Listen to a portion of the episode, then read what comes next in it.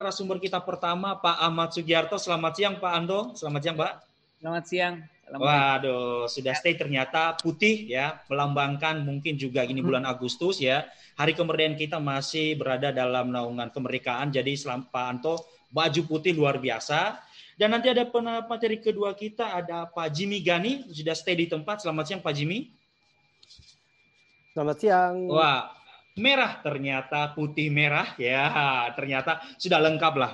Dan pemateri ketiga ada Pak Torik Hadat, ada Pak Torik. Selamat siang Pak Torik, sudah oke okay, ya Pak? Ya, memang. Oke okay, Pak. Ya, siang okay, Pak. Okay. Dan terakhir Ya, ya, putih nih, saya putih nih. Putih Pak, putih Pak. Dan yang terakhir ada Bu Desi Bahir. Selamat siang Bu Desi. Nah, jadi setelah menyapa para narasumber kita di sini sudah lengkap lah. Sudah Dan lengkap materi ya. ketiga ada Pak Torik Hadat, ada Pak Torik. Selamat siang Pak Torik, sudah oke okay, ya Pak? Ya memang. Oke, oke, oke, ya. Memang. Baik. Ya. Jadi uh, karena semuanya sudah para pemateri, sebelumnya juga kita menyampaikan orbitin ini kita aktif di media sosial jadi nanti buat Bapak Ibu ikuti terus aktivitas-aktivitas event kita. Kemudian eh, kita juga aktif dalam melakukan webinar-webinar kolaborasi. Jadi silahkan saja nanti kali ini kita akan kolaborasi dengan empat narasumber kita. Jadi nanti terus ikuti program-program Orbitin ID untuk uh, melihat perkembangan-perkembangan yang dilakukan Orbitin. Nah, sebelumnya juga kita sapa di sini ada para uh, apa yang para hadirin yang sudah bergabung di sini Pak ada Eko Pak Eko Pratomo. Selamat siang Pak Eko. Wah, selamat selamat. Terima kasih Pak sudah bergabung. Ada Pak Darmodi, di sini juga ada Pak Dubes Najib Ripat Kusuma. Selamat siang semuanya. Dan tidak bisa saya sebutkan satu persatu. Terima kasih sudah ikut bergabung dalam webinar siang hari ini. Nah, Bapak Ibu, kenapa kita harus memilih tema webinar kali ini? Karena kita melihat bahwa saat ini semua perusahaan dan pelaku usaha perlu dua kemenangan besar untuk saat ini. Yang pertama, menang atas pandemi COVID-19 dan yang kedua, harus menang menghadapi persaingan setelah pandemik ini berlalu. Mungkin dalam 12 bulan hingga 24 bulan mendatang. Pelaku usaha atau siapa pun yang memiliki usaha harus mesti jeli melihat realitas baru yang terjadi saat ini. Melakukan adaptasi dan serta menjalankannya kebutuhan dan perilaku pelanggan tentu berubah dengan kondisi saat ini. Melalui survei yang dilakukan oleh Henderson Institute, belum lama ini menunjukkan bahwa 50% CEO mengatakan bahwa laba perusahaan turun di angka 20%. Dan angka tersebut sebanyak 90% para pemimpin perusahaan itu menjalankan pengurangan biaya serta resep kunci untuk bertahan. Nah, dari survei itu tentu ini juga menyebutkan bahwa ada 14% perusahaan justru meningkat pendapatannya di tengah industri mereka yang merosot. Ini akibat perusahaan mengambil perspektif jangka panjang. Mereka fokus pada pertumbuhan serta pengurangan biaya. Dengan kata lain, para pelaku usaha ini menjalankan survival mode dalam jangka pendek serta melakukan transformasi bisnis. Nah, oleh karena itu, maka kali ini Orbitin akan membedah transformasi perusahaan dalam konsep transformation and digitalization. Nah, ada empat para pembicara kita kali ini. Saya jelaskan sedikit lagi. Nanti pembicara pertama kita ada Pak Ahmad Sugiarto, yang baju putih tadi, ya, yang baju putih yang pertama kita sapa ya, yang hello, say hello Pak Ahmad Sugiarto. Beliau merupakan terakhir jabatan beliau itu sebagai Direktur Strategik Portofolio PT Telkom Indonesia Tbk. Beliau ini di saat menjadi direktur di PT Telkom beliau merupakan salah satu bidan. Nah, salah satu bidan nih ya, salah satu bidan untuk membuka rahasia nanti sukses transformasi di perusahaan telekomunikasi terkemuka di Indonesia itu. Jadi nanti beliau akan membuka transformasi yang sudah beliau lakukan selama menjabat sebagai Direktur Strategik Portofolio PT Telkom Indonesia Tbk.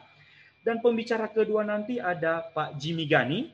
Pak Jimmy Gani merupakan CEO Orbitin founder and chairman PT Proven Force Indonesia dan JG Corp. Beliau juga nanti akan menceritakan pengalaman menjalankan transformasi di berbagai perusahaan yang memang selama ini dibina. Nah, yang ketiga nanti ada pemateri kita, ya Pak Torik Hadat. Beliau merupakan CEO daripada Tempo Media Group. Pak Torik nanti akan bicara tentang pengalaman menjalankan transformasi di grup media ternama. Siapa sih yang nggak kenal Tempo? Kalau yang Tempo pasti tidak asing lagi buat kita semuanya. Nah yang keempat ya yaitu Bu Desi Bahir ya. Jadi Bu Desi Bahir ini merupakan uh, sekarang memimpin sebuah perusahaan media sosial yang mungkin sangat-sangat naik daun saat ini ya luar biasa. Jadi kalau mengikuti kegiatan-kegiatan Bu Desi Bahir, kita akan melihat aktivitas-aktivitas yang dipimpin oleh Bu Desi Bahir yang luar biasa. Beliau merupakan uh, saat ini sebagai Chief Marketing Officer di Samara Media Entertainment. Nah, nanti Bu sama Bu Desi Bahir akan bicara tentang pengalaman menjadikan media sosial sebagai pendorong transformasi yang memang saat ini penting sekali. Jadi karena empat ini para pembicara kita membicarakan tema yang berbeda-beda. Jadi ayo selama nanti pembicara menyampaikan materinya, eh, pertanyaan bisa disampaikan dulu dalam bentuk chat publik. Ya, jadi kita tidak izinkan menyampaikan dalam bentuk suara, tapi dalam bentuk chat publik dulu. Nanti setelah masuk pada sesi Q&A, baru kita bahas pertanyaan satu persatu. Nah, kemudian untuk para pembicara kita, mohon izin kita sampaikan bahwa waktu dibicara diberikan kepada para pembicara kita ada 15 menit ya 15 menit setiap waktu kepada pembicara kita.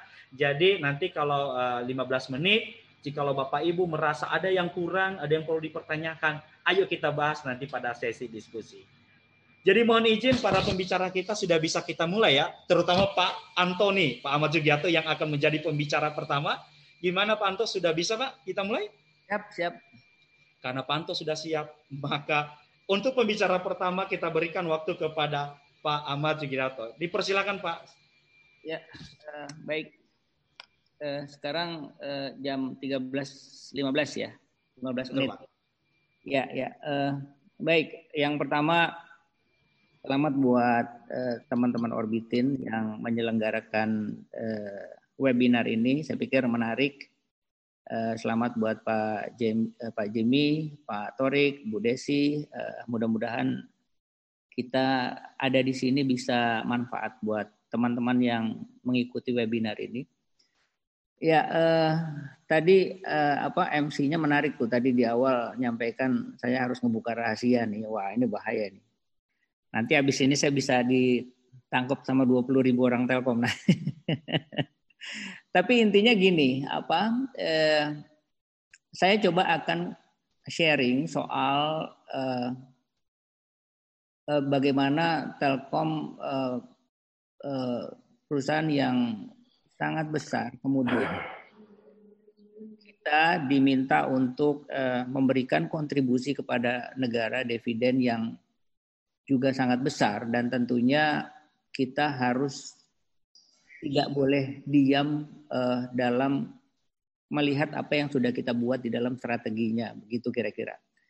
Uh, kebetulan posisi saya terakhir memang uh, untuk uh, membuat strategic planning dalam lima tahunan Telkom gitu ya. Jadi yang biasanya memang kita selalu buat itu dan setiap tahun kita rolling gitu ya. Tapi memang pengalaman kita sangat luar biasa pada saat pandemik ini yang membuat semuanya agak sedikit berubah dan semuanya akan menjadi uh, menjadi sangat menantang lah buat kita semua karena kita juga harus bisa menjaga uh, pendapatan negara kira-kira begitu ya.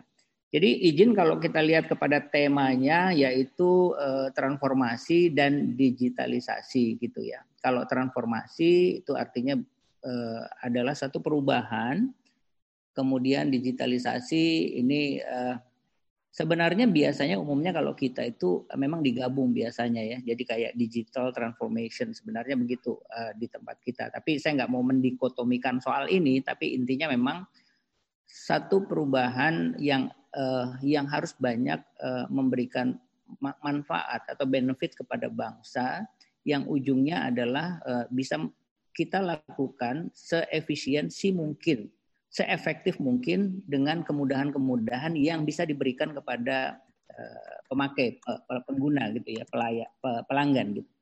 Nah uh, kita polanya saya mungkin akan share soal polanya ya. Kemudian nanti itu di bab satu nanti bab dua saya akan cerita soal framingnya kira-kira kayak apa gitu.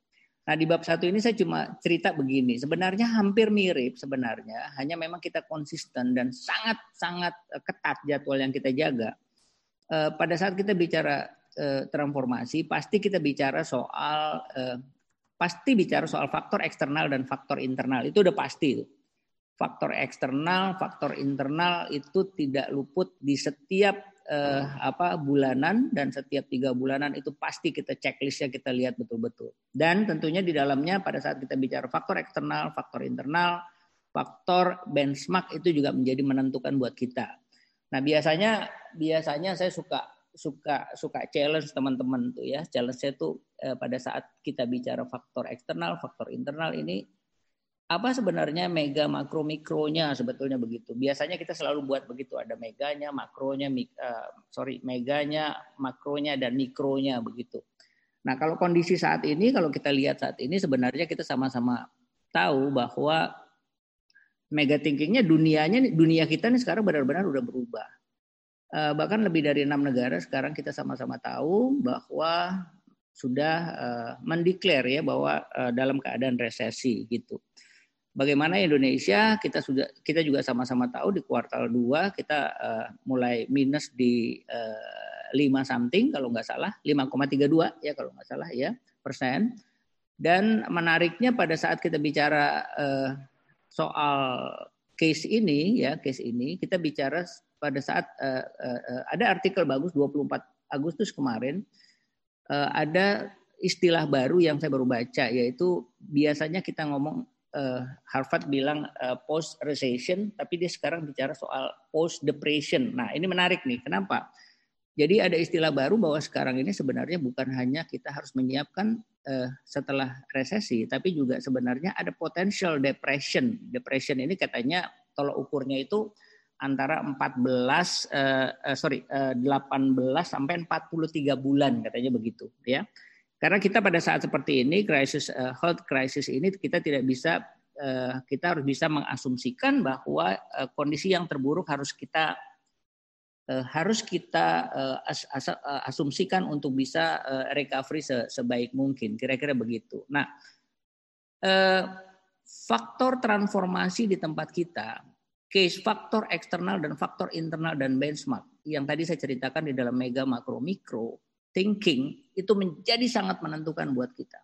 Menjadi sangat menentukan. Dari mulai uh, uh, mulai melihat analisa analisa apa yang harus kita buat. Karena setelah itu kita harus harus bisa membuat membuat formulasinya. Bahasa sederhana bahasa sederhananya biasanya kalau teman-teman di Telkom strategic uh, formulationnya begitu ya Nah, itu merupakan summary dari analisis situasi kita seperti apa. Kita tentukan paretonya, pareto apa saja yang harus diformulasikan dampak dari eksternal dan internal serta benchmark sudah melakukan apa dan kita harus segera melakukan apa.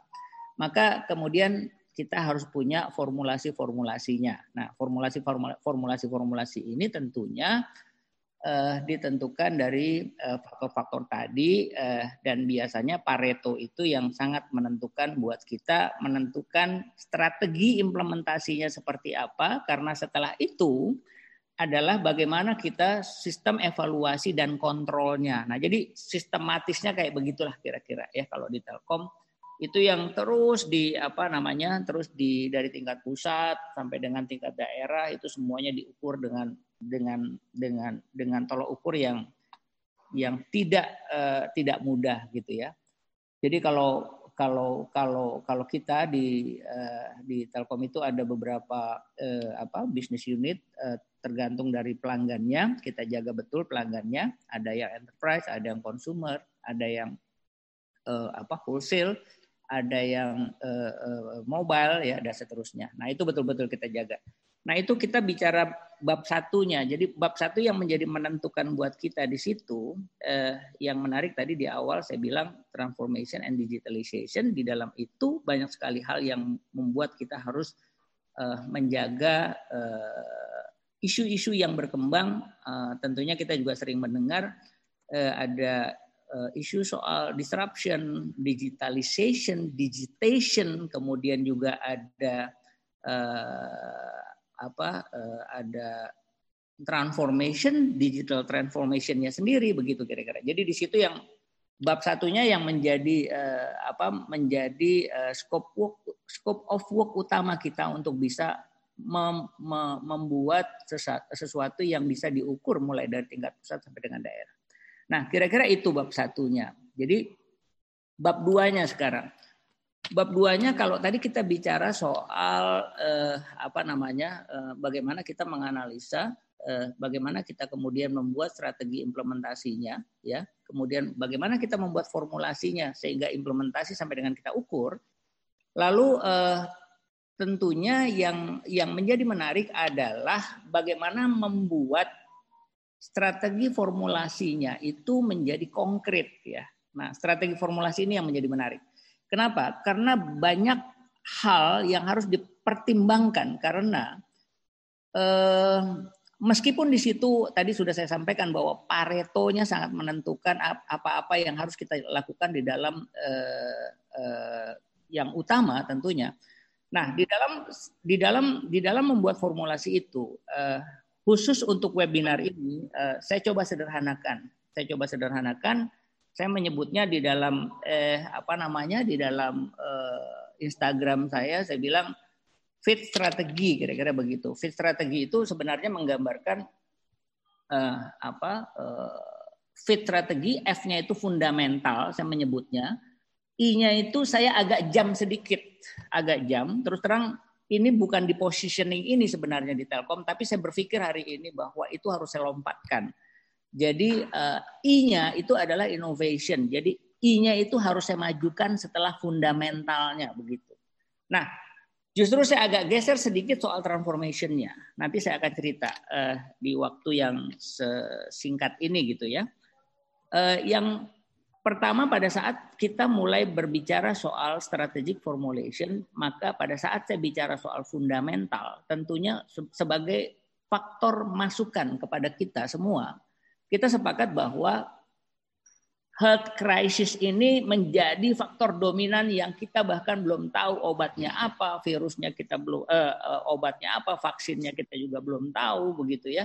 Kemudian kita juga eh, semuanya sedang di dalam pandemik ini seluruh dunia mengalami sehingga health crisis dan consumer behavior ini yang menjadi penentunya begitu kira-kira yang menjadi penentunya. Saya ingat betul bahwa di telco itu sendiri, meskipun kalau kita lihat dari beberapa survei, telco termasuk uh, salah satu dari tiga bisnis yang paling menjanjikan di era pandemi, tapi itu pun potensial uh, decrease 25% dari uh, dari dari laba yang bisa kita ambil itu sangat berpotensi untuk decline. Nah, oleh sebab itu faktor itu harus kita harus kita analisis betul-betul yaitu health crisisnya seperti apa, consumer behaviornya seperti apa. Nah, dalam di dalam fundamental ini saya menyebutkan yang menjadi temannya. Kenapa kenapa saya bilang fundamental? Jadi kalau saya analogikan dalam sebuah rumah sebetulnya rumah itu rumah itu terdiri dari tiga bagian.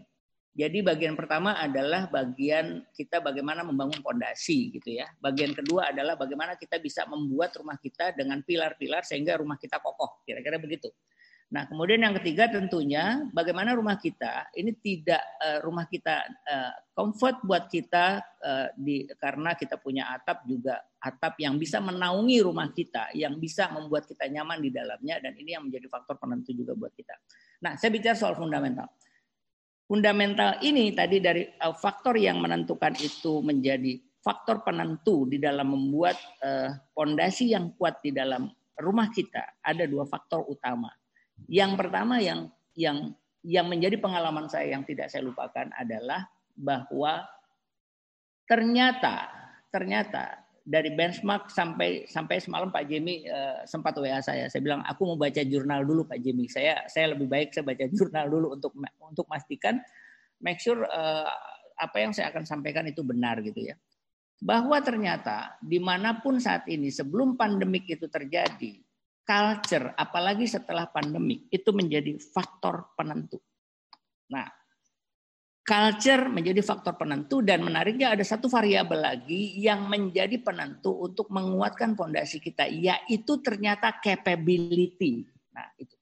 Jadi jadi jadi yang yang membuat yang membuat pondasi kita itu harus kuat ada dua hal menurut saya yaitu culture dan capability. Nah, menariknya apa? Kemudian menariknya bahwa dua parameter ini harus bisa diukur. Harus bisa diukur. Kenapa harus bisa diukur? Karena memang faktor inilah yang akan bisa menopang kita untuk menang, Pak. Tidak ada cara lain. Dan kebetulan alhamdulillah izin, Pak. Ada waktu udah menit lagi ya, Pak? Oke. Okay. Maaf, Pak. Siap. Ya, oke. Okay. Ya, uh, jadi uh, harus bisa diukur karena dia memang sebagai pondasi, begitu ya kira-kira. Nah, di atasnya di bawah pondasi ini sebenarnya kita punya punya punya punya penguat untuk pondasi yaitu apa? Yaitu dua hal. Sinergi dan pelanggan. Kenapa sinergi should be strong dan kemudian juga kita bicara pelanggan, itu juga kekuatan kita sebenarnya. Nah, di atas itu yang tadi saya bilang pilar, pilar itu saya bicara soal kembali tadi fit fundamental, saya sekarang pindah ke I-nya, innovation-nya. Innovation is talk about the portfolio. Nah, kira-kira begitu. Portofolionya, vertikal portofolionya seperti apa. Nah, kemudian tadi saya sudah bilang masuknya seperti apa. Nah, sekarang saya bicara yang di atasnya. Pada saat assessment itu bagus, pada saat kemudian eh, semuanya berjalan secara terintegrasi, apa yang tadi saya sampaikan mulai dari pondasi sampai dengan ke vertikal eh, eh, vertikal portofolio, maka kita akan lihat di atasnya yang kita harapkan tentunya adalah healthy growth and healthy profitability dan dalam rangka bisa mendevelop ekosistem. Goalnya tuh sekarang itu. Siapa yang bisa membuat ekosistem eh, bisa memberikan kemudian ekosistem, eh, bisa memberikan efisiensi kepada ekosistem, maka potensial untuk healthy growth dan healthy profitability itu akan memberikan dampak yang bagus buat perusahaan kita. Mungkin sementara begitu eh, host yang bisa saya sampaikan dari saya. Terima kasih banyak. Wah, eh, dengan materi yang disampaikan oleh Pak Anto sebenarnya ini kurang waktunya belum 15 menit. Mudah-mudahan nanti Pak, ayo Bapak Ibu semuanya uh, garis besar sudah disampaikan oleh beliau. Nanti kita akan bahas lebih detail lagi di sesi pertanyaan. Jadi disiapkan saja pertanyaannya. Jika ada pertanyaan kepada Pak Anto sudah bisa disampaikan, silakan di chat di chat public Zoom dulu ya. Jadi terima kasih Pak Anto. Mohon saya Pak, nanti kita akan menunggu lagi pertanyaan nanti kepada yang lain jikalau uh, sudah bisa disampaikan pertanyaan. Oleh karena itu, masuk kepada uh, apa uh, pemateri kedua, Pak Jimmy Gani yang merupakan CEO Orbitin dan founder chairman daripada PT Proven Force Indonesia tidak menunggu waktu lama, waktu dan tempat dipersilakan Pak Jimmy. Terima kasih Memo. Assalamualaikum warahmatullahi wabarakatuh. Waalaikumsalam. Selamat siang, salam sejahtera untuk kita semua.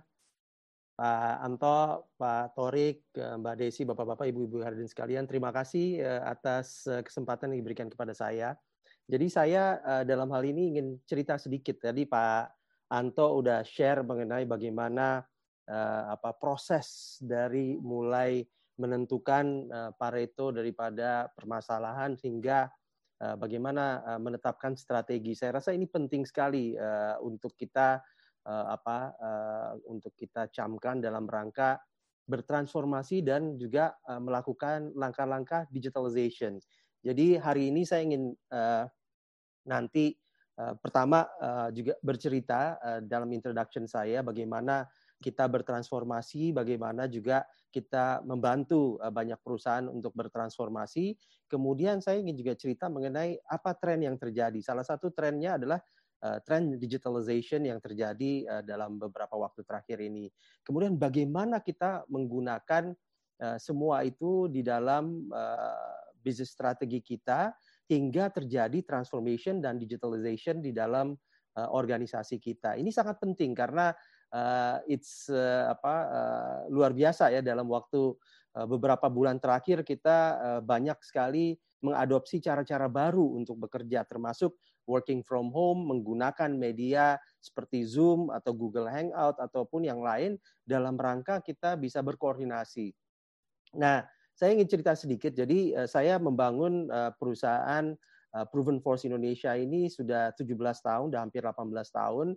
Yang kemudian tahun lalu kita buat holdingnya yaitu JG Corp, yang mana ini merupakan apa satu kumpulan dari perusahaan-perusahaan yang kami buat dalam rangka membantu banyak organisasi dalam rangka perbaikan.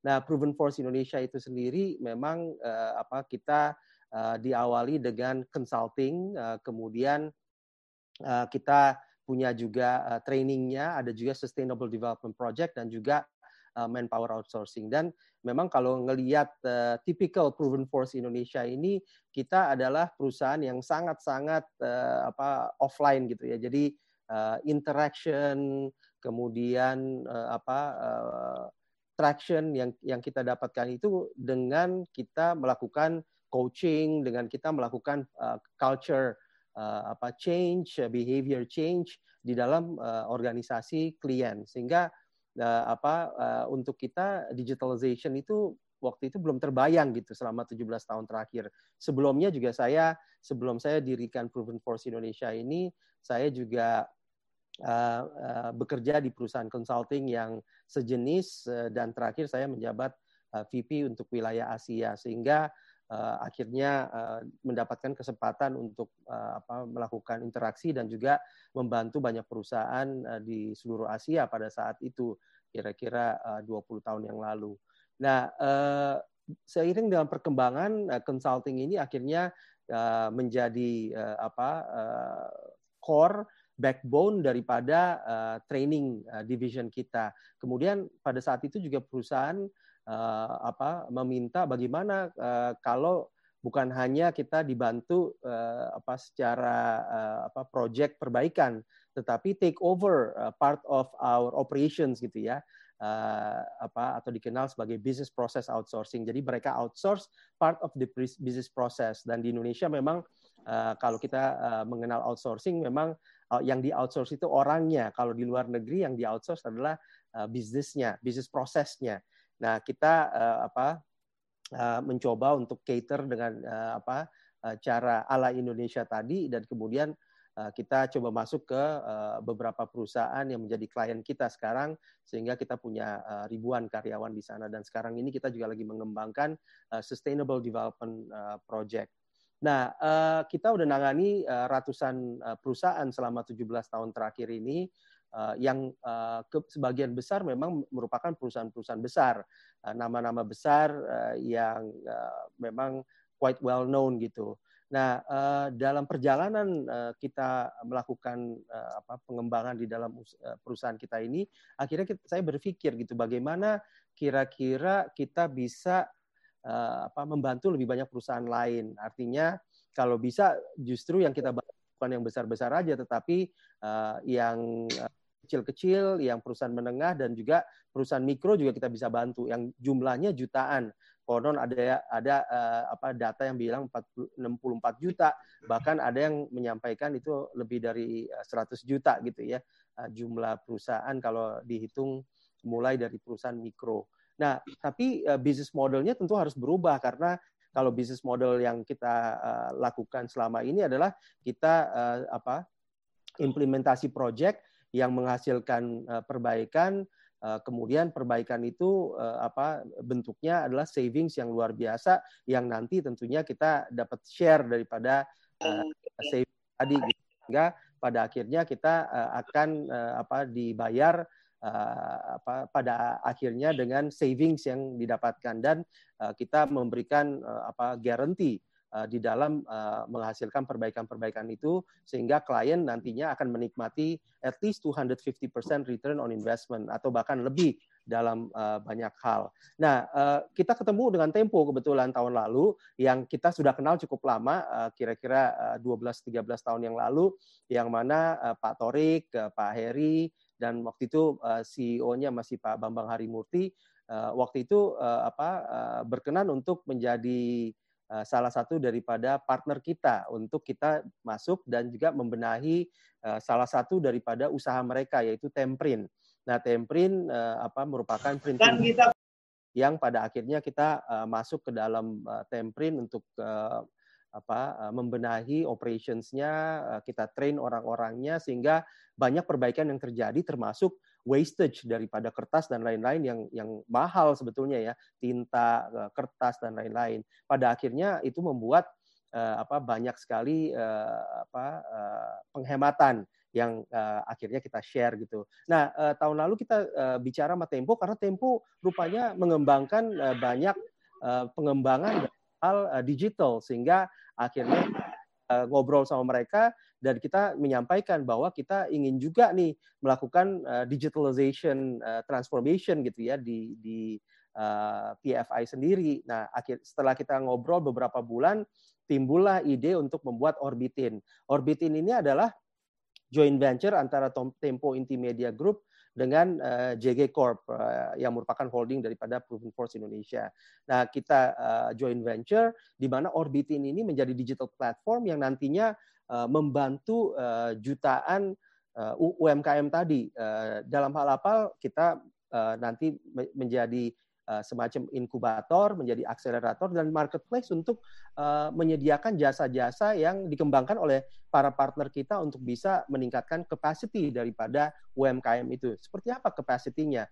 Uh, nanti itu saya akan bahas lebih lanjut dulu karena mau itu perusahaan besar, mau itu perusahaan kecil, mau itu perusahaan menengah harus punya orang yang kompeten, harus punya financial model yang bagus, harus punya backup pendanaan yang oke, okay, atau financing ya oke okay, harus punya juga operations yang kuat sehingga bisa kompetitif dan seterusnya. Jadi uh, sebetulnya uh, if you're an enterprise then you have to be competitive intinya itu gitu. Nah sehingga Orbit ini menjadi uh, semacam platform gitu ya atau super platform bagi uh, user yang yang akan uh, menggunakan uh, platform uh, Orbitin tadi dengan provider-provider yang kita pilih. Eh, mana yang kira-kira bisa menjadi platform yang baik untuk membantu eh, UMKM ini memperbaiki dirinya, marketingnya dari front end-nya, mengelola keuangan untuk pendanaannya, untuk pelatihan orang-orangnya, untuk peningkatan kapasitasnya dan seterusnya. Nah, itu kemudian uh, apa kita mulai implementasi. Kenapa kok bisa sampai ke kesimpulan itu? Sebetulnya saya balik lagi ke beberapa tahun yang lalu pada saat saya juga menjabat sebagai rektor dari uh, IPMI International Business School uh, selama lima tahun. Saya advocate beberapa hal yang merupakan uh, apa uh, dasar daripada transformasi yang terjadi. Ya, saya sampaikan ke mahasiswa dan juga ke korporasi yang menjadi partner-partner kita.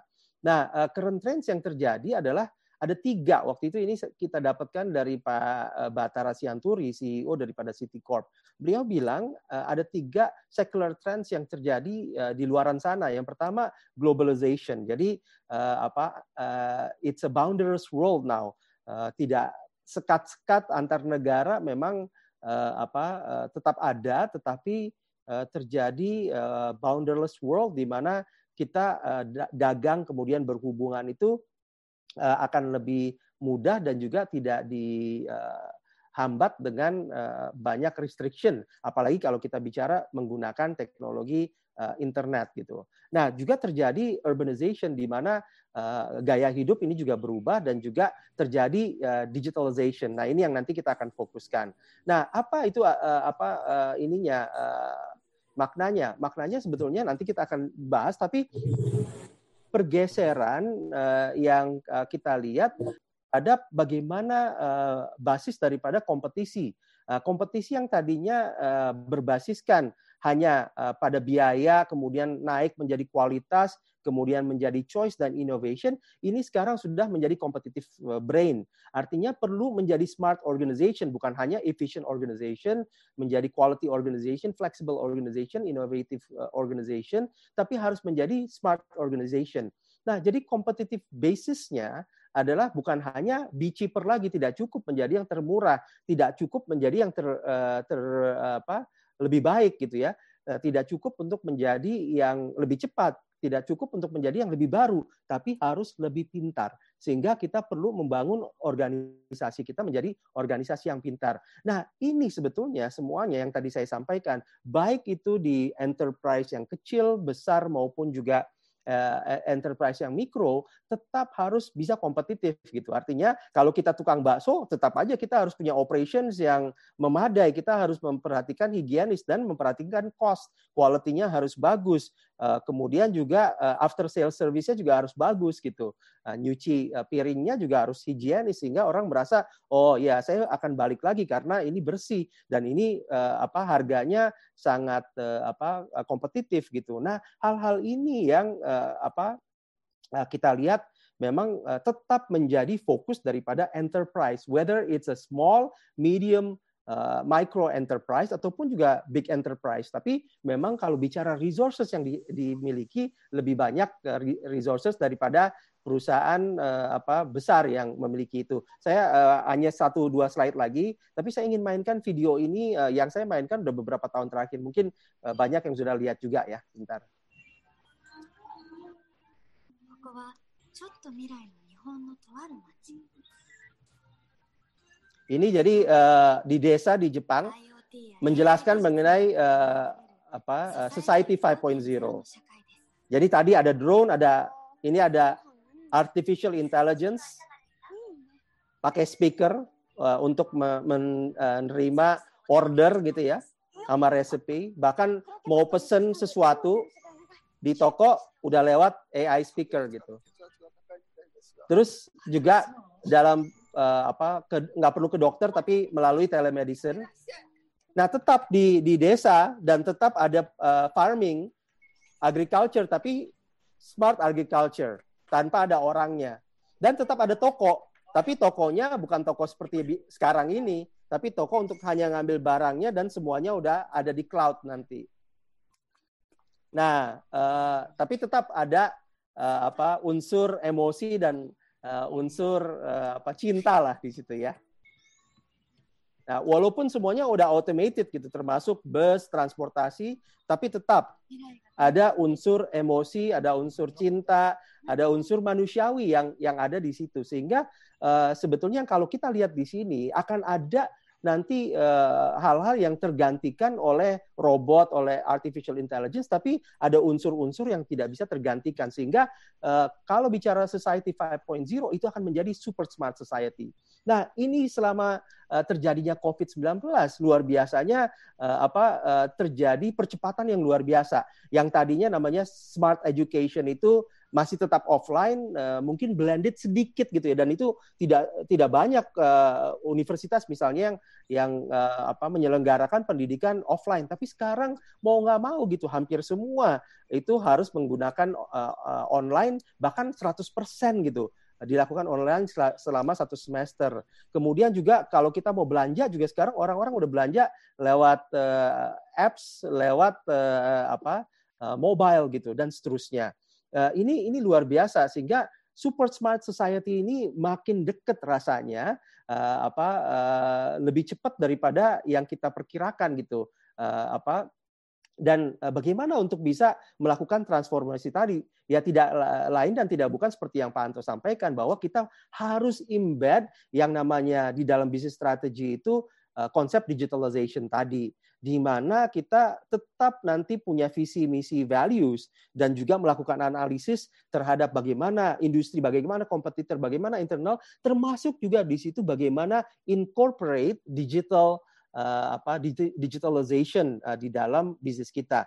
Ada kemungkinan kita akan melakukan nanti adjustment daripada bisnis model kita seperti yang dilakukan oleh uh, Proven Force Indonesia dan JG Group tadi dengan tadi uh, apa kita go digital membangun platform Orbitin. Saya udah bilang sama organisasi kita tadi uh, bahwa kita uh, mesti menggunakan di Orbitin ini nanti sebagai digital platform kita untuk bisa membantu perusahaan. Dan kalau kita sudah uh, melakukan itu dengan hard thinking tadi, barulah kita memilih nanti medianya apa. Oh oke, okay. kita tetap uh, compete-nya itu di platform uh, apa uh, digital yang mana all our services will be offered there gitu. Dengan creativity mix and match yang terjadi, kemudian baru hard work. Nah, sekarang baru nih terjadi hard work dan transformasinya tadi agar kita dapat superior performance. Jadi itu intinya sehingga kalau kita bicara mengenai business and uh, apa strategi tadi uh, it's about uh, sama gitu tetap kita menetapkan vision, mission, uh, strategic analysis, strategic choice dan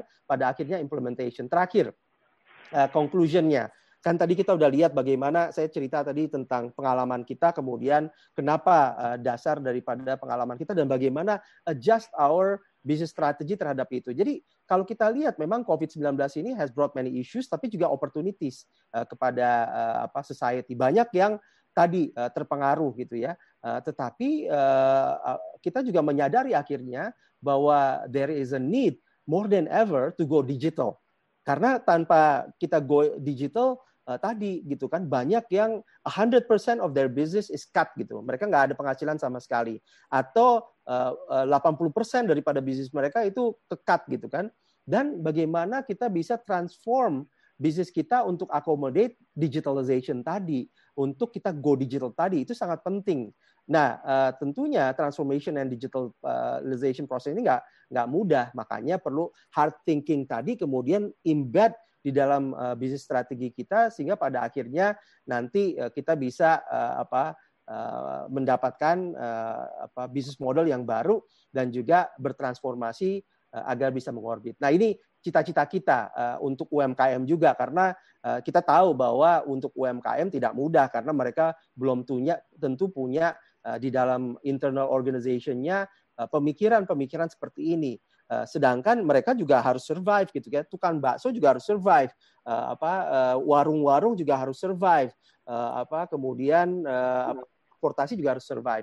Nah, makanya kita uh, apa bikin orbitin ini supaya semua enterprise bisa mengorbit atau bakal ngorbit bersama orbitin. Terima kasih. Wabillahi taufik walhidayah. Assalamualaikum warahmatullahi wabarakatuh. Baik, luar biasa tepat waktu Pak. Ya, jadi uh, luar biasa kepada Pak Jimmy yang memang kita lihat bahwa transformasi di bisnis yang dibangun oleh Pak Jimmy ya bahkan lahirlah Orbitin yang sekarang memfasilitasi para pelaku usaha yang luar biasa. Nanti pertanyaan-pertanyaan silakan kepada Pak Ahmad Sugiarto. Ada pertanyaan pada Pak Jimmy sudah dua narasumber kita sudah lewat, sudah memberikan materinya. Jadi sekarang Bapak Ibu silakan dulu sediakan pertanyaannya di chat publik. Nah, sekarang masuk kepada pemateri ketiga kita Pak Tori Haddad. Beliau merupakan CEO dari Tempo Media Group Nah, kali ini kita akan berikan waktu kurang lebih 15 menit kepada Pak Torik untuk membahas tentang sekarang ini seperti apa sih tempo yang sekarang bertransformasi yang memang banyak unit usaha digital di dalamnya luar biasa, tidak terhitung lagi. Jadi seberapa tuh unit usaha digital di bawah Tempo Group? Sekarang kita langsung dengarkan cerita dari Pak Torik. Kalau tidak tempat, Pak Torik, silakan Pak. Kalau tidak tempat, dipersilakan Pak. Baik, Memo terima kasih. Baik, Memo Bapak, terima kasih. Bapak-bapak Bapak sekalian dan para Bapak sekalian dan pengunjung para saya merasa terhormat sekali pengunjung, uh, saya merasa terhormat sekali uh, suaranya rada ini suaranya rada ini Oke, kita coba ya. Oke, kita coba ya. Mungkin yang di tempat Sony di di mute Sony Jafar, Pak Sono mungkin. Iya. Supaya tempat Sony di, di mute Sony Jafar sana mungkin supaya nggak terbatas. Oke, saya lanjutkan ya. Oke, saya lanjut. Saya lanjutkan ya. saya masih bergaung, masih bergaung nih Memo. Masih bergaung. Masih bergaung. Dari masih bergaung kita nih, mute ke Mas Sony nggak bisa, jadi mohon di ya. Silakan Pak, lanjut Pak. Iya. Ya. Oke, Sony terima kasih nih. Sony ini teman saya nih di Bogor sana. Jadi mungkin ya uh, Bapak sekalian, sebetulnya uh, bagi kami di grup Tempo ini COVID ini uh, mempercepat transformasi digital yang sudah kami canangkan sejak tahun 2017 ya. Dan kalau mau lebih mundur lagi, memang kita harus melihat bahwa barangkali sudah bukan apa sudah bukan merupakan pengetahuan yang khusus ya ini udah jadi pengetahuan yang umum bahwa yang namanya bisnis media cetak itu mengalami sesuatu yang disebut sebagai disrupsi ya. Dia eh, terganggu proses bisnis di sana terganggu karena eh, platform yang yang selama ini di apa dipakai yaitu platform cetak itu pelan-pelan ditinggalkan karena berbagai alasan dan orang e, beramai-ramai untuk memakai platform digital. Jadi sebetulnya bagi kami di grup Tempo ini COVID ini mempercepat transformasi yang sudah terjadi dengan beberapa pertimbangan. Yang pertama kita lihat bahwa kalau kita lihat ya pengalaman tahun 2005 sampai 2013 itu sebetulnya kalau dari sisi pendapatan iklan itu apa eh, kita masih bagus sekali lah. Tumbuh hampir 10 persen. Jadi tidak mudah dalam alam yang bersaing di dunia media cetak itu untuk bertumbuh hampir 10 persen lah gitu ya. Dan bahkan sampai dengan tahun 2013 itu eh, kami men, eh, kami berada pada atau kami sampai pada puncak pendapatan iklan. Jadi 2013 belum terlalu lama sebetulnya. Tapi yang terjadi dari tahun 2014 sampai dengan 2019 kalau kita bicara pendapatan iklan itu menurunnya lumayan. Menurun eh, 7,3 persen. Nah inilah yang karena barangkali eh, bagi yang teman-teman yang terbiasa atau yang mengetahui bisnis media itu sumber pendapatannya itu paling tidak datang yang pertama itu dari iklan, yang kedua datang dari sirkulasi atau hmm. dari subscriber. Nah, kalau kita lihat subscriber, terus satu lagi, ya subscriber juga sama ya. Pada dasarnya sampai dengan 2012 itu masih bertumbuh hampir 7% per tahun. Dan ini saya kira uh, cukup besar ya, cukup besar. Jadi orang mengira bahwa media cetak itu di era 2000-an itu sudah sudah kendor. Ternyata enggak. Sampai 2012 itu masih masih cukup baik ya, masih cukup baik dan puncak pendapatan dari sirkulasi dari oplah itu tercapai pada tahun 2012. Artinya eh, 8 tahun yang lalu kami masih menikmati eh, pendapatan yang yang apa yang pada puncaknya lah gitu dan tapi kita lihat jadi yang disebut sebagai disrupsi itu sebenarnya terjadi mulai dari tahun 2013 pelan-pelan pelan-pelan tapi makin dalam eh, apa penurunannya dan oh, apa secara average itu turunnya delapan setengah persen. Nah jadi sebetulnya kalau kita lanjut aja dulu lanjut ya jadi pada dasarnya eh, secara natural di dunia media cetak, kesadaran bahwa ada penurunan yang makin lama makin tajam, itulah yang kemudian memicu eh, mendorong kami untuk melakukan transformasi. Dan eh, di grup Tempo transformasi itu kemudian dicanangkan dalam program-program kerja dan juga seperti tadi yang Pak Ahmad Sugiharto katakan, kami juga melakukan perubahan culture yang besar. Jadi kalau Bapak dan Ibu eh, tahu singkatan tempo gitu, tempo itu kalau dari budaya kami adalah terpercaya, merdeka, dan profesional. Itu digabungkan menjadi tempo untuk gampangnya mengingat. Jadi pada dasarnya yang kami lakukan itu ada pada slide ini kami benahi budaya perusahaan, kemudian kegiatan kesiapan skill, organisasi terutama di newsroom. Newsroom itu adalah pusat liputan dan kita tahu bahwa di dalam organisasi media pusat liputan ini yang menjadi jantungnya. Jadi segala hal yang menjadi keuntungan komparatif, komparatif advantage tempo itu berada di jantung dari newsroom ini maka amat mutlak untuk menjaga comparative advantage ini dengan berbagai hal. Yang nanti pelan-pelan saya akan bicarakan di slide-slide berikutnya. Yang tidak kalah penting adalah ketika newsroom sudah bekerja dengan baik, bagaimana menjual konten yang sudah dihasilkan oleh newsroom itu. Nah, ini tugasnya tim iklan dan sirkulasi. Dan dukungan dari teknologi juga menjadi apa kunci. Karena tanpa sokongan teknologi, apalagi tadi Pak Jimmy menampilkan slide yang sangat inspiratif ya, bagaimana nanti dibayangkan uh, ada drone yang mengantar apa uh, paket begitu Nah ini di dunia media massa ini juga sama. Dukungan teknologi itu akan sangat penting sekali. Dan bagi organisasi tentu saja mendanai transformasi itu sendiri merupakan bagian yang harus benar-benar cermat dihitung. Karena kalau kita investasi terlalu banyak untuk sesuatu yang belum matang istilahnya, itu juga akan sia-sia. Kalau kita inform apa uh, mendanai transformasi kita terlalu sedikit, itu juga tidak mencukupi, tidak akan efektif, tidak akan efisien. Dan selanjutnya pola dukungan dari SDM dan keuangan itu juga harus lebih spesifik. Dan di apa di dalam pengelolaan transformasi ini yang terpenting adalah dua hal yang terakhir itu adalah menciptakan sistem insentif dan disinsentif dan juga merekrut wartawan-wartawan yang super spesialis yang tadinya tidak ada di bisnis media cetak. Katakanlah ada media lab, ada ahli media sosial dan seterusnya. Saya lanjut ke slide berikutnya. Ya, tadi saya sudah sampaikan bahwa budaya perusahaan, saya setuju dengan Pak Anto tadi, di Telkom terjadi reformasi di dalam culture ini, sama juga dengan di Tempo, kami sudah lakukan ini kira-kira lima tahun yang lalu.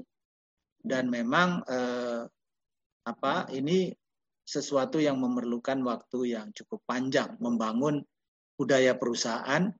Tapi saya kira bukan hanya membangunnya tapi bagaimana kemudian kita apa kita kawal pelaksanaannya. Itu yang lebih penting lanjut ya jadi saya mulai dari kalau kita ingin bertransformasi, melakukan transformasi, saya kira apa yang kami lakukan di Tempo, yang pertama adalah kita mengukur seberapa siap sih kemampuan digital dari SDM kita. Apakah mereka bisa menggunakan content management system yang baik, SEO, mereka aktif di media sosial, mereka sudah terlibat di dalam elemen-elemen multimedia di dalam berita mereka. Mereka bisa mengukur performance dari artikel mereka di mata pembaca. Mereka paham analitik. Nah, ini semua ada ukuran-ukuran. Kita pakai benchmark, kita ukur organisasi kita hari ini ada di level mana dan kemudian ada pelatihan-pelatihan untuk menutup gap. Saya kira uh, teori manajemen yang umum di mana-mana. Dan ini uh, saya harapkan barangkali uh, sesuatu yang tidak terlalu sulit untuk di, dilakukan. Karena memang saya kira tanpa kesiap, kesiapan skill dari SDM yang baik, transformasi ini akan akan sulit karena yang akan mengerjakan transformasi itu adalah orang. Saya lanjut menjaga comparative advantage ini adalah pekerjaan-pekerjaan di dalam newsroom. Jadi barangkali Bapak Ibu sekalian yang berasal dari media massa pasti sudah akrab dengan istilah-istilah ini.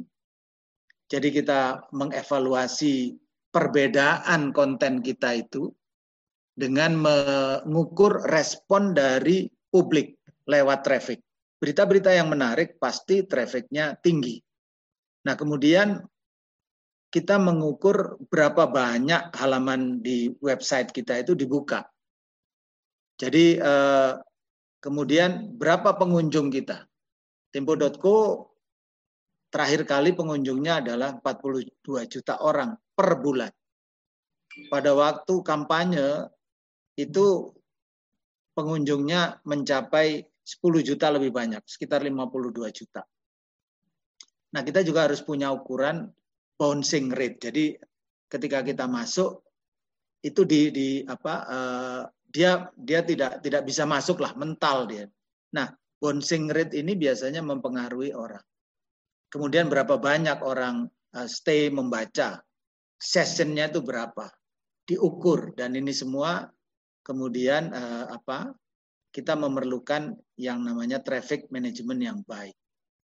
Untuk mengukur misalnya rubrik artikel yang paling dibanyak apa, top artikel yang paling dibanyak itu apa, dan kemudian ini semua di dipakai sebagai cara kita untuk menjaga comparative advantage kita.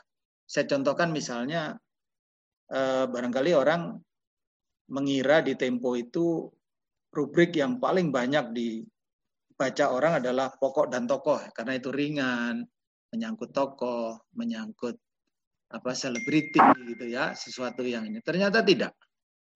Yang paling dibanyak dibaca orang itu adalah tetap cover story. Nah, ini menunjukkan bahwa perhatian terhadap cover story ini itu harus tadi ada ada Pareto ya kan tadi istilahnya Pak Jimmy dan Pak apa uh, Pak Antok tadi ada Pareto, ada ada skala prioritas. Di di apa di, diurutkan mana yang paling banyak dibaca itu yang diperkuat, pasukannya diperkuat, sistem liputannya diperbaiki. Jangan terlalu banyak katakanlah nggak boleh terlalu banyak ngambil narasumber yang uh, anonim misalnya seperti itu. Nah ini yang saya kira uh, apa namanya uh, dilakukan oleh teman-teman di Tempo sehingga so far kita bisa mempertahankan uh, apa keunggulan konten kita walaupun ujiannya banyak. Nah, pasti teman-teman saya yang lagi nonton di Tempo akan ketawa ini. Ujiannya banyak karena barusan tempo.co ini dihack ya, dihack. Untungnya cuma beberapa jam aja kita bisa kuasai kembali situs kita ini. Saya lanjut. Keunggulan konten. Jadi ini merupakan salah satu alasan mengapa transformasi itu penting. Kalau kita nggak punya konten yang unggul, lantas apa yang mau dijual kasarnya begitu. Sehingga mempertahankan keunggulan konten ini menjadi sesuatu yang tidak boleh ditawar-tawar. Oke, memo tiga menit lagi ya. Jadi penataan newsroom, konvergensi. Jadi sekarang tidak lagi uh, terlalu bijaksana kalau kita punya sekian organisasi, ada koran, majalah, mungkin ada yang punya radio, ada yang punya TV, itu masing-masing mempunyai tim liputannya sendiri. Itu akan sangat boros akan sangat uh, tidak efisien. Nah, ini konvergensi dalam arti mengatur mengatur perencanaan di dalam newsroom agar pasukan bisa dikerahkan lintas batas organisasi itu menjadi penting. Saya tidak bisa berbagi lebih dalam karena setiap newsroom mempunyai spesifikasinya sendiri. Tidak bisa di copy paste. Jadi walaupun ada yang mengcopy paste uh, katakanlah yang sukses ini adalah kan kalau di luar negeri Financial Times dan seterusnya. Ini menurut saya tidak bisa kita copy paste. Saya lanjut aja. Ya, tadi bagaimana menjual keunggulan ini dan itu saya kira adalah pada kalau di iklan itu peningkatan skill dari AE ya, account eksekutif itu juga menjadi sangat penting. Dan pengembangan sirkulasi digital. Jadi ke depan saya kira pengembangan sirkulasi digital ini akan menjadi lebih penting ketimbang iklan. Dengan kata lain, pendapatan dari sirkulasi digital seperti yang dialami oleh Financial Times, New York Times, The Guardian itu sirkulasi digitalnya, subscribernya itu sudah memberikan uh, revenue lebih besar dari iklan. Saya lanjut. Ya, jadi ini ada beberapa model, barangkali ini bisa dilihat bagaimana model uh, dalam penggalangan atau menjual keunggulan dari beberapa media. Di sini ada The Correspondent, itu media digital pionirnya di Eropa, dan apa dia menjaring menjaring subscribernya lewat newsletter pertama kemudian dan berusaha untuk melibatkan subscribernya di dalam kegiatan mereka dengan sistem keanggotaan yang berbayar. The Guardian selain berbayar, dia juga membuka eh, donasi. Nah ini juga sistem yang baru. Guardian cukup sukses kami dengar dengan ini. Dan ada TAS di Jerman, ini juga salah satu koran tertua yang so far di Eropa di apa diakui sukses di dalam mentransformasi bisnisnya ke bisnis digital. Lanjut. Ini adalah contoh-contoh the correspondent apa uh, ajakan the correspondent agar apa uh, anggotanya itu bisa membayar akses akses apa mempunyai akses yang berbayar pada laporan-laporan mereka. Gitu. Lanjut. Ya ini juga sama. Mungkin nanti ini bisa dilihat aja di website. Saya kira ini informasi yang umum. Nah ini The Guardian yang tadi. Jadi sistem berlangganannya itu eh, di dengan sistem apa di, dicapai dengan sistem keanggotaan dan mereka bisa menaikkan pendapatan mereka secara signifikan. Tiap-tiap keanggotaan mereka bikin seperti berjenjang begitu dan setiap jenjang ada reward kepada mereka yang membayar lebih banyak. Katakanlah kemudian diundang dalam seminar-seminar online-nya Guardian, kemudian apa di mendapat potongan dari buku-buku yang uh, bermutu dan seterusnya dan seterusnya. Jadi mereka uh, merawat orang-orang yang mau membayar untuk menjadi anggotanya dengan baik. Nah, itu yang nilai tambahnya diletakkan di sana. Lanjut, nah ini juga sama yang tadi Guardian itu kalau Guardian membuat diskusi, maka orang-orang yang melanggan itu secara berkala juga diundang. Mereka mempunyai tiket. Nah, ini ini satu model bisnis yang saya kira akan ngetren ya uh, mendatang ini. Lanjut. Nah, ini adalah apa tingkatan dari izin, members Pak. dia. Lagi, Pak. Ya. izin, Pak. Ada supporter, ada partner, ada patron dan seterusnya. Oke, memo. Lanjut. Ya, lanjut aja dulu. Terus terus lagi. Ya, saya kira kalau tadi Pak Jimmy menyebut artificial intelligence, ya betul. Kami juga di Tempo memakai artificial intelligence. Kami punya sekarang eh, apa namanya eh, tokohnya. Jadi kalau masuk ke websitenya Tempo itu nanti di di sistem langganannya itu ada Tara. Jadi Tara ini adalah apa namanya eh, dia semacam tokoh artificial intelligence yang bisa ditanya segala hal yang menyangkut cara berlangganan Tempo. Dan di alam ini tentu saja data. Data itu menjadi pokok. Kami sedang merencanakan Tempo Data Science mengganti yang namanya Pusat Data dan Analisa Tempo dan kami mengembangkan database. Ini juga sesuatu yang saya kira tidak terelakkan di masa sekarang ini. Lanjut Memo. Ya, saya kira kebutuhan investasi harus muncul dari apa yang akan diubah terutama di dalam pengalaman saya di Tempo itu adalah tim-tim pendukung dari newsroom, data analitik, medsos dan seterusnya itu ini perlu ada eh, investasi di sini. Tentu saja termasuk investasi di eh, teknologi itu sendiri. Jadi dua hal bagi kami adalah orang dalam hal ini profesi-profesi baru yang tadinya tidak ada di media cetak, ini juga memerlukan investasi dan teknologinya itu sendiri. Lanjut. Ya, saya kira ini uh, secara umum saja bahwa tentu saja kita berharap tenaga yang direkrut itu cocok dengan value kita. Dan kemudian ada reward. Sekarang lebih banyak ini di alam ini reward dan punishment itu menjadi apa ya tradisi yang baru dan kemudian yang paling penting adalah bahwa segala hal yang dibutuhkan untuk melakukan transformasi tidak bisa dilakukan dengan sendiri. Kita harus kolaborasi, kita harus kerja sama, dan karena sekarang ini adalah uh, zamannya kolaborasi, itu tidak bisa dielakkan. Lanjut.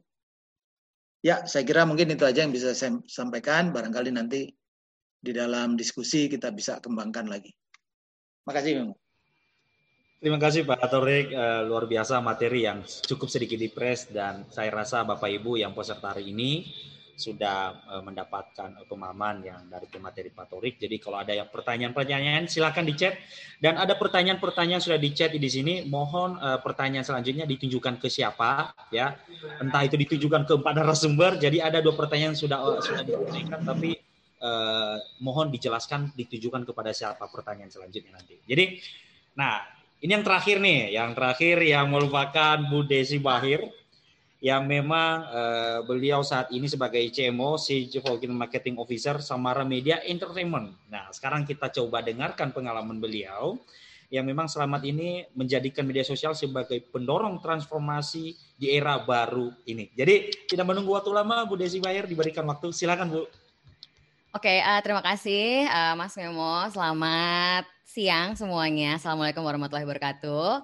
Uh, salam sejahtera untuk kita semua. Perkenalkan nama saya Desi Bahir. Mungkin saya mau share sedikit di sini. Aku nyalain timer dulu deh ya, biar nggak ini. Atau timernya via memo aja ya. Tunggu sebentar. Sebentar.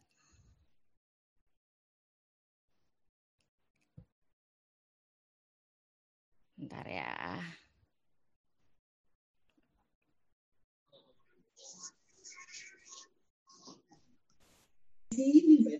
Oke, udah kelihatan nggak ya screen-nya ya? Kelihatan, Bu. Udah. Kelihatan ya? Udah, udah. Oke oke oke. Ah, ah. Nah ini kan waktu kemarin dilihat tornya itu tornya adalah ada dua kemenangan yang harus dijalankan oleh semua orang gitu kan ya. Dan saya lihat emang keadaan kita sekarang ini adalah in times of adversity lah ya. Uh, baik maupun sekarang ini pandemi maupun nanti setelah pandemi selesai pastinya akan ada banyak hal yang perlu kita lakukan gitu. Nah uh, mungkin aku mau share aja sedikit lebih ke pengalaman beberapa bulan terakhir ini bagaimana salah satu bisnis unit dari organisasi saya mencoba untuk menanggulangi lah ya masa-masa yang lumayan depressing ini gitu. Nah, tapi sebelumnya mungkin perkenalan sedikit buat yang belum kenal, nama saya Desi Bahir. Saya ini Putri Pekalongan asli uh, urbanisasi ke Jakarta tahun 85 kemudian sampai dari sampai dari sana masih sampai sekarang di Jakarta lah ya. Uh, saya uh, udah ada beberapa perusahaan sebelumnya saya lakukan, tapi sebelumnya saya bekerja di Unilever cukup lama selama 10 tahun dan enam tahun terakhir ini saya found a series of companies lah gitu. Jadi kalau tadi dibilangin mungkin uh, company-company saya ini bukan legacy company ya itu. Jadi company yang emang udah dari sananya berbasis digital atau udah menggunakan digital sebagai platform utama dalam kami berbisnis gitu. Tapi walaupun kami menggunakan digital sebagai platform utama, tetap aja yang namanya adaptasi itu dibutuhkan karena digital 2011 sama digital 2020 sudah sangat-sangat sangat berbeda.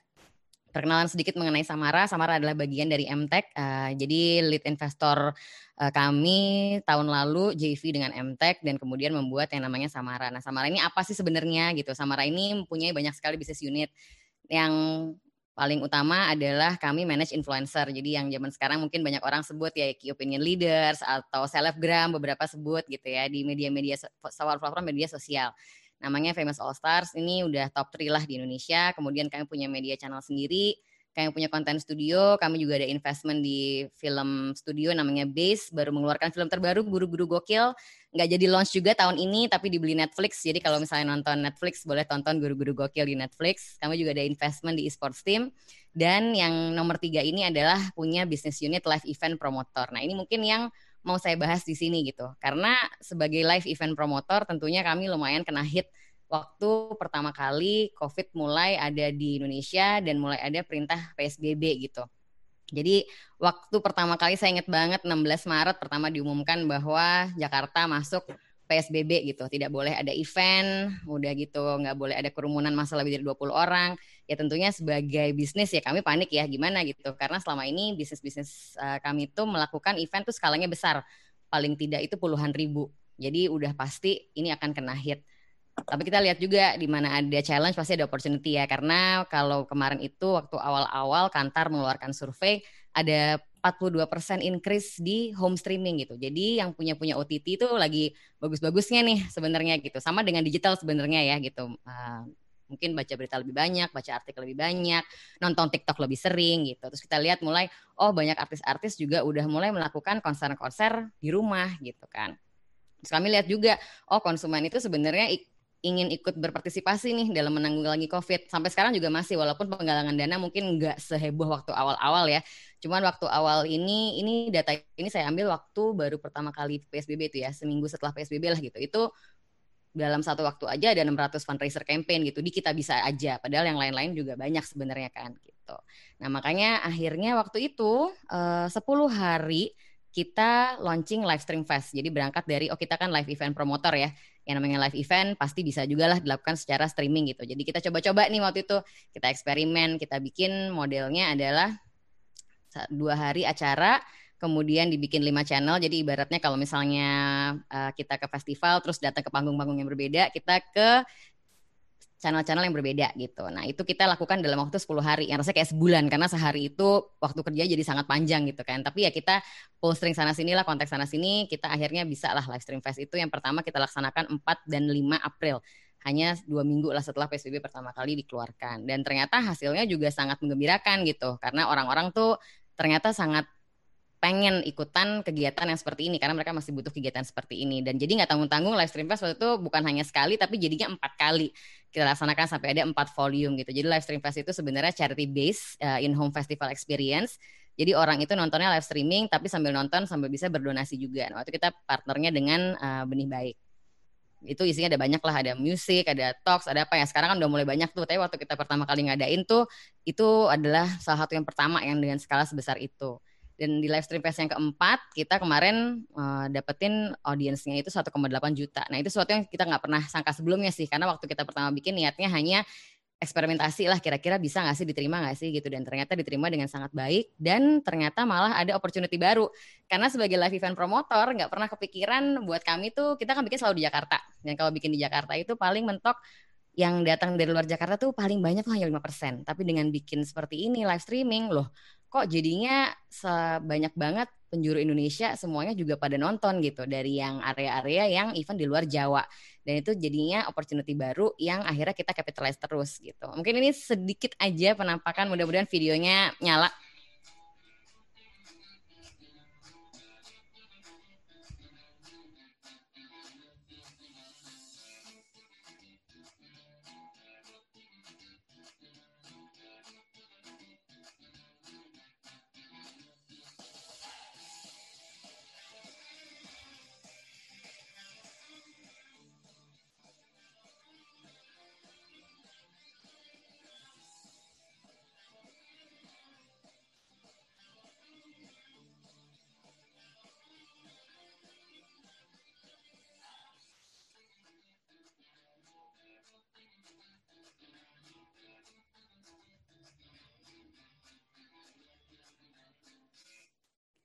Nah itu sekilas mengenai live stream fest volume 4. Jadi selama lima bulan kita udah mengadakan tujuh large scale live streaming events gitu. Nah itu sesuatu yang sebenarnya kalau dari sisi kita ngadain event itu offline gak mungkin banget dalam lima bulan kita ngadain tujuh gitu. Jadi uh, selain live stream fest yang udah dilaksanakan empat kali, kita juga melaksanakan Tech and Science Festival namanya Disrupto Fest. Kemudian juga ada Financial Festival namanya Future Financial Festival uh, itu di bulan Juli dan bulan Agustus ini. Selama bulan Agustus kami mengadakan Nusantara Fashion Festival bekerjasama dengan BUMN uh, melalui Bank BRI dan untuk semua event-event ini juga disambut baik gitu oleh para brand gitu kan. Jadi ternyata memang uh, brand-brand clients juga merasa bahwa ini suatu uh, platform yang baik gitu untuk reaching para konsumen-konsumen gitu yang nggak bisa di reach secara offline lagi. Gitu. Nah mungkin aku cerita sedikit aja mengenai uh, Nusantara Fashion Festival gitu ya karena menurut saya ini salah satu contoh bagaimana sesuatu event yang tadinya mungkin dipikir nggak mungkin terjadi secara virtual tapi akhirnya terjadi secara virtual karena ini basisnya adalah fashion.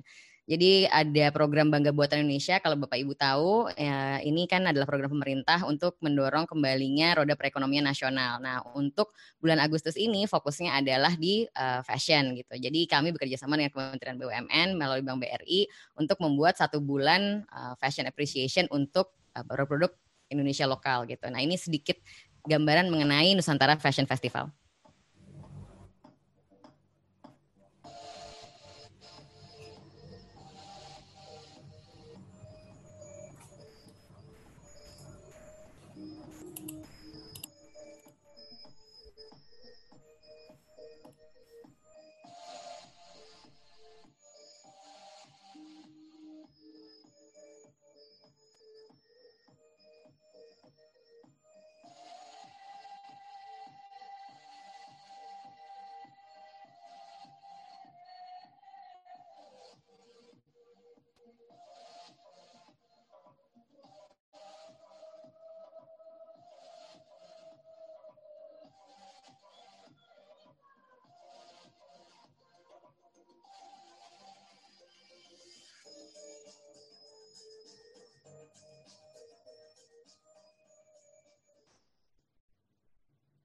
Jadi Nusantara Fashion Festival ini sebenarnya adalah uh, fashion show virtual digabungkan dengan series of talk show mengenai fashion dan juga industri-industri yang mengelilinginya gitu. Jadi yang saya pelajari juga adalah tadi disebut beberapa kali juga oleh penjara-penjara sebelumnya kolaborasi itu sangat penting ya gitu dalam era-era apalagi seperti sekarang ini gitu. Jadi semua proyek kita itu selalu berkolaborasi dengan pihak lain gitu. Malah nggak tanggung-tanggung kadang-kadang dari media grup lain juga gitu. Itu sesuatu yang saya rasa mental yang mental attitude yang harus dipunyain juga. Sekarang sekarang udah nggak zaman zaman lagi sih gitu kompetisi. Emang kalau mau bikin sesuatu yang baru yang bermakna ya memang harus kolaborasi dengan banyak pihak.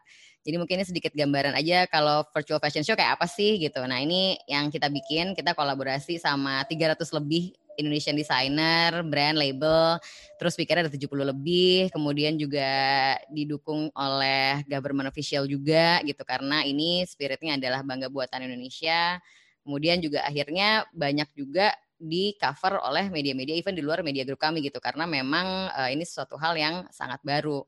Dan juga kita lihat banyak ininya lah aku masuk lambe turah buat saya itu agak lumayan achievement gitu ya. Karena itu juga dilihat sebagai suatu hal yang masuk tren juga gitu. Karena virtual fashion show yang seperti ini tuh belum pernah dilaksanakan sebelumnya gitu. Nah kita juga lihat bahwa yang namanya di digital orang bilang oh nggak bisa ya cuman reach awareness. Itu banget bener banget. Jadi harus selalu gimana caranya kita integrate ini juga dengan conversion gitu. Makanya untuk Nusantara Fashion Festival yang kita pilih adalah kita e-commerce integration dan karena ini uh, bangga buatan Indonesia jadi kita kerjasama dengan dua uh, e-commerce Tokopedia dan Bukalapak yang sebenarnya mereka juga bersaing ya. Tapi untuk project ini ya mereka mau gitu bekerja sama, kita ajak bekerja sama dua-duanya. Jadi Tokopedia dan Bukalapak sama-sama menjadi e-commerce partner untuk Nusantara Fashion Festival. Kemudian kita juga melakukan charity masih bentuknya tapi ya disesuaikan juga dengan uh, temanya yaitu fashion. Jadi kami bikin collaboration item ada 10 limited edition. Ini masih boleh kalau misalnya Bapak Ibu mau ikut bidding mungkin di Nusantara Fashion Festival.com masih sangat bisa karena pro, uh, prositnya akan didonasikan untuk UMKM uh, program yang dimanage oleh Dekranas gitu. Jadi kalau misalnya saya simpulkan sih ya saya masih ada waktu ya gitu. Jadi kalau saya simpulkan uh, gimana sih caranya gitu winning adversity, how to ace uh, your way in times of adversity atau situasi mana pun sih sebenarnya ya agility nomor satu emang harus cepat banget dan kalau misalnya tadi uh, Pak Torik sempat bilang juga gitu, ini banyak mempercepat hal-hal uh, uh, yang tadinya nggak kita pikirin gitu. Saya udah kepikiran mau bikin live streaming itu udah lama banget, tapi karena COVID, karena kepepet ya, jadi akhirnya semua jadi serba cepat gitu, semua jadi serba cepat, jadi agility. Kemudian tadi Pak Anto juga ngomong masalah bagaimana kita harus assess situasi, ya kita emang harus assess terus gitu, market lagi ada di mana, konsumen lagi ada di mana, trennya lagi ada di mana gitu, untuk bisa membuat sesuatu yang emang dibutuhkan oleh konsumen gitu. Which brings me to point C adalah ya consumer first tetap aja sebagai bisnis tentunya kita pengen bertahan, kita pengen bertumbuh, tapi yang membuat kita bertahan dan bertumbuh adalah konsumen. Jadi ya gimana pun juga memang harus uh, bagaimana caranya kita memikirkan apa yang dibutuhkan oleh konsumen, kemudian menyediakan hal itu. Kolaborasi itu udah mutlak, nggak bisa lagi sekarang untuk live uh, tujuh live event kami itu kami kerjasama dengan lebih dari tujuh pihak sih gitu, baik dalam media grup sendiri maupun di luar maupun dengan uh, pemerintah gitu. Jadi memang harus ada kolaborasi Kemudian experimentation juga sesuatu yang harus kita lakukan terus-menerus tentunya eksperimen yang terukur ya gitu. Kita udah tahu kita mau bereksperimen apa, benchmarknya seperti apa, hasil seperti apa yang akan kita lakukan dan hasil seperti apa yang akan membuat kita drop suatu uh, activity tertentu. Kemudian engagement kepada konsumen juga saya rasa sangat penting gitu. Karena sebagai uh, brand atau bisnis gitu kita tidak pernah bisa melupakan konsumen kita. Jadi tetap harus di engage yang biasanya kita mungkin engage tadi Mas Jimmy sempat ngomong biasanya engage-nya secara offline gitu ya dengan dengan plan dengan brand. Tapi kan tetap aja sekarang harus tetap ya engagementnya bagaimana caranya tetap aja harus melalui online mau nggak mau dan tetap memberikan experience kepada para bisnis partners kita gitu. Gimana caranya tetap kita bisa menghadirkan experience yang tidak sama dengan offline tapi mudah-mudahan bisa menyamai atau bahkan melebihi uh, offline itu sendiri. Itu aja sih kalau dari saya. Silahkan kembalikan ke Mas Memo. Wah, keren banget Bu Desi Bair yang luar biasa, apa, presentasi yang luar biasa apa yang selama ini dilakukan dan dijalankan oleh Bu, Bu Desi Bair dengan tim. Nah, Bapak Ibu semuanya, uh, mohon izin di, di flyer kita sebelumnya itu ada waktu kita 2 jam 2 30 menit. Sebenarnya itu acaranya sudah selesai. Tapi karena di sini ada 4 menit lagi maka mohon izin kepada narasumber. Boleh nggak Bapak Ibu Bu Desi Pak Jimmy Pak, uh, Pak Torik dengan Pak kita tambah waktu sedikit untuk bisa menjawab pertanyaan-pertanyaannya? Mohon izin ya bisa ya Pak? Wah Pak Torik sudah jempol Pak Jimmy sudah jempol. Oke Bu Desi Pak sudah. Oke berarti kita tambah waktu sedikit. Nah ada pertanyaan pertama ini muncul dari Pak Michael Prawindaru. Jadi mohon izin Pak Video Pak Michael mungkin bisa menyampaikan sendiri. Jadi nanti mohon disampaikan pertanyaannya yang dengan cukup singkat dan mungkin nanti pada pemateri juga atau narasumbernya bisa menjawabnya dengan singkat. Nah, pertanyaan ini ditunjukkan kepada siapa Pak Michael? Silakan Pak Michael menyampaikan pertanyaan sendiri. Pak Michael masih di dalam di dalam Zoom? Oke. Halo Pak Michael? Oke, Pak Michael mungkin uh, belum tersedia di tempat. Kita lompat, kita lompat. Uh, mungkin nanti kita akan jawab pertanyaan kedua. Nah, ada pertanyaan dari uh, Pak Rones KL ya atas nama Zoom KL. Nah, mohon izin Pak Rones, apakah ada di tempat Pak Rones? Ya, Pak Rones? Soalnya ini pertanyaannya tidak ditunjukkan pada siapa, ini umum. Nah, mungkin yang ketiga kepada Mr. David. Mr. David masih ada di tempat? Yes, alright. Selamat sore Pak Mr. David. Ada dua pertanyaan ini ditunjukkan kepada Pak uh, Anto, Pak Ahmad. Jadi nanti mohon disampaikan dengan cukup singkat, Mr. David. Silakan, Mr. David. Thank you, Mas Memo.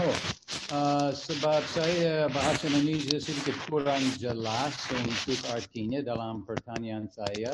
Saya minta Pak Jimmy atau Mas Memo tolong lebih jelas. Saya sudah kirim pertanyaan uh, dalam uh, dalam chat. Uh, tetapi lagi sebab saya takut artinya kurang cukup jelas kalau saya bicara bahasa Inggris, uh, Memo atau uh, Pak Jimmy bisa bantu. Baik, mungkin saya bisa bantu Pak ada dua pertanyaan Mr. David. Yang pertama ini kepada uh, ini langsung terju kepada Pak Ahmad. Pertama, pertanyaan itu lima tahun terakhir ini Telkom telah melakukan program strategis di sektor utama seperti pariwisata, perhotelan, ketahanan pangan, perikanan untuk membantu fasilitasi pertumbuhan ekonomi dan mata pencarian yang sehat. Nah, dengan hadirnya area enterprise baru di bidang fintech, insurtech, dan healthtech, apa rencana Telkom untuk melanjutkan dan meningkatkan platform atau program strategisnya lima tahun ke depan?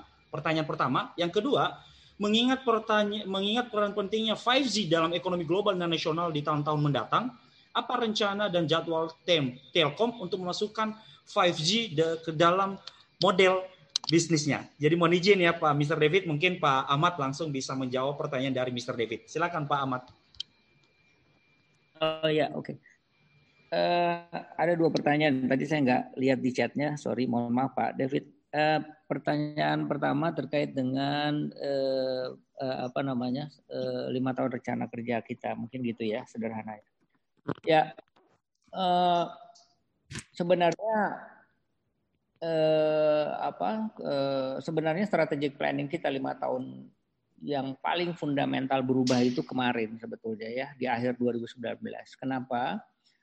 Uh, karena untuk pertama kalinya eh, saya membuat istilah baru di dalam telco eh, yaitu eh, digital ecosystem gitu ya. Nah, kenapa digital ecosystem ini perlu? Eh, ada sedikitnya enam eh, vertikal digital ecosystem yang sedang kita plototin sebetulnya uh, tentunya itu tidak akan bisa berjalan bila uh, yang pertama uh, kita menyebutnya ada uh, infrastruktur digital, ada bicara soal uh, platform dan ada bicara soal services. Nah, di atasnya itu kita bicara soal uh, ekosistem yang uh, kita lagi creating uh, dalam rangka untuk bisa menumbuhkan misalnya uh, segmen uh, apa UMKM misalnya atau segmen kesehatan misalnya. Dan seterusnya. Sedikitnya ada enam uh, ekosistem vertikal yang yang lagi kita garap ya gitu ya. Jadi kesehatan kemudian education kemudian dan seterusnya gitu. Nah tentunya pada saat kita mendevelop masing-masing ekosistem itu tidak akan lepas dari uh, eh, apa teman-teman penyedia konten gitu ya. Jadi sebagai contoh tadi eh, Mbak Desi itu menjelaskan eh, apa kreativitinya eh, sangat sangat luar biasa gitu ya. Kemudian Pak Torik juga begitu dengan eh, kontennya yang kita sudah sama-sama tahu yang seharusnya memang itu akan menjadi bagian dari eh, apa eh, bagian dari eh, ekosistem-ekosistem yang harusnya bisa bergerak lebih cepat. Nah, kemudian kan pertanyaan gimana bagaimana Telkom? Telkom sedapat mungkin tentunya uh, infrastruktur, kemudian uh, uh, dari sisi uh, kalau saya menyebutnya saya lebih senang enabler gitu ya. Dari sisi enabler kita mendorong uh, kebutuhan uh, semua pelanggan kita, jadi ada yang kita percepat semuanya, termasuk juga digital digital service baik itu ke enterprise ataupun ke uh, ke consumer ataupun ke mobile. Sederhananya sebetulnya begitu. Kemudian kalau 5G, uh, 5G itu sebenarnya uh, idealnya bagus ya, sebetulnya idealnya bagus. Tapi saya belum confident untuk as soon as possible. Kenapa? Karena memang masih mahal ukurannya, masih mahal sehingga pada saat kita deliver ke masyarakat itu nggak akan nggak akan kompetitif gitu. Jadi uh, bahkan juga kalau kita dengar uh, dari berita-berita yang terakhir-terakhir ini bahkan uh, operator lain yang selain dari Telkom Group bahkan uh, kabarnya tidak mau masuk ke 5G gitu ya. Saya pikir ada beberapa uh, ada beberapa pertimbangan kenapa teman-teman di luar Telkom Group nggak mau masuk ke sana. Ada hitungannya dan kita juga memang di grup juga memang juga melihat bahwa uh, saat ini rasanya memang masih agak sulit buat Indonesia dan di luar juga saya melihat begitu yang sudah kita lakukan beberapa use case use case juga sudah kita lakukan. Memang uh, belum ketemu marketnya, kira-kira begitulah. Belum ketemu marketnya dan saya pikir ini pasti terus akan berevolusi. Uh, uh, apa yang penting menurut hemat saya sebetulnya adalah uh, apa uh, 4G ini akan merata, kemudian uh, tebaran, kemudian juga uh, apa bisnis tower untuk uh, support uh, teman-teman di mobile, di Telkomsel juga itu harus kita perkuat gitu ya. Uh, saya pikir itu ya lebih lebih apa lebih lebih wise-nya ditambah dengan pandemik seperti sekarang. Tapi teman-teman posisi dengan hari ini nggak berhenti. Kira-kira begitu eh, apa eh, update-nya dari saya. Baik, terima kasih kepada Pak Anto yang sudah menjawab uh, cukup singkat pertanyaan daripada Mr. David. Nah, pertanyaan selanjutnya uh, saya wakili ternyata uh, speaker daripada Pak Michael Prawirandaro tidak bisa. Ini pertanyaan disampaikan ditujukan kepada Pak Jimmy. Jadi uh, pertanyaannya adalah seperti ini, penerapan Society 5.0 sepertinya akan menjadi tantangan tersendiri untuk diterapkan di Indonesia karena tidak semua masyarakat kita apalagi saudara kita yang tinggal di daerah pedalaman bisa menggunakan teknologi tersebut perlu upaya yang lebih untuk mendidik saudara kita di sana untuk bertransformasi menjadi society 5.0. Tantangan selanjutnya adalah kondisi geografis kita yang terdiri dari banyak pulau dan hutan beserta konturnya sulit untuk ditembus. Kendala tersebut membutuhkan sinergi yang tinggi antara pemerintah, pengusaha, dan masyarakat. Jadi ini tanggapan uh, Pak uh, Pak Pak Mikhail Perwindalo. Jadi bukan pertanyaan, sedikit pernyataan. Kalau ditanggapi Pak Jimmy, silakan Pak Jimmy. Ya, terima kasih Mas Memo. Jadi uh, apa uh, Pak Michael ini uh, apa menyampaikan bahwa penerapan Society 5.0 itu kayaknya jadi tantangan ya. Kalau saya lihat memang betul itu tantangan uh, apa uh, karena tadi uh, infrastruktur yang ada di pedesaan itu tidak sebaik dari infrastruktur yang ada di perkotaan di Indonesia.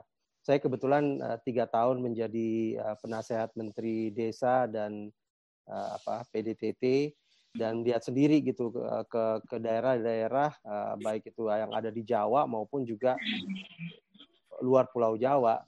Uh, sebetulnya ini memang ada dua sisi. Yang pertama infrastrukturnya sendiri, yang kedua mindsetnya gitu ya. Kalau di sisi infrastruktur memang kalau kita lihat uh, ada beberapa daerah yang belum terjangkau, tapi kenyataannya sebetulnya banyak daerah yang kita di desa-desa itu yang kita anggap mereka tidak uh, punya mindset dan juga tidak punya akses itu apa justru mereka uh, banyak yang menggunakan gitu. Nah, memang tadi uh, tidak uh, apa nggak bisa disamakan ya artinya uh, apa bandwidthnya kemudian juga uh, apa juga uh, bicara mengenai stabilitas daripada internetnya memang tidak sama nggak bisa disamakan gitu. Tapi bukan berarti bahwa ke depannya itu akan terjadi perbaikan-perbaikan. Kalau saya lihat juga provider-provider, misalnya provider infrastruktur kan, taruhlah kita bicara internet dulu gitu yang basic ya itu uh, Telkom kemudian apa provider-provider yang lain juga sudah mulai masuk gitu ke ke pedesaan.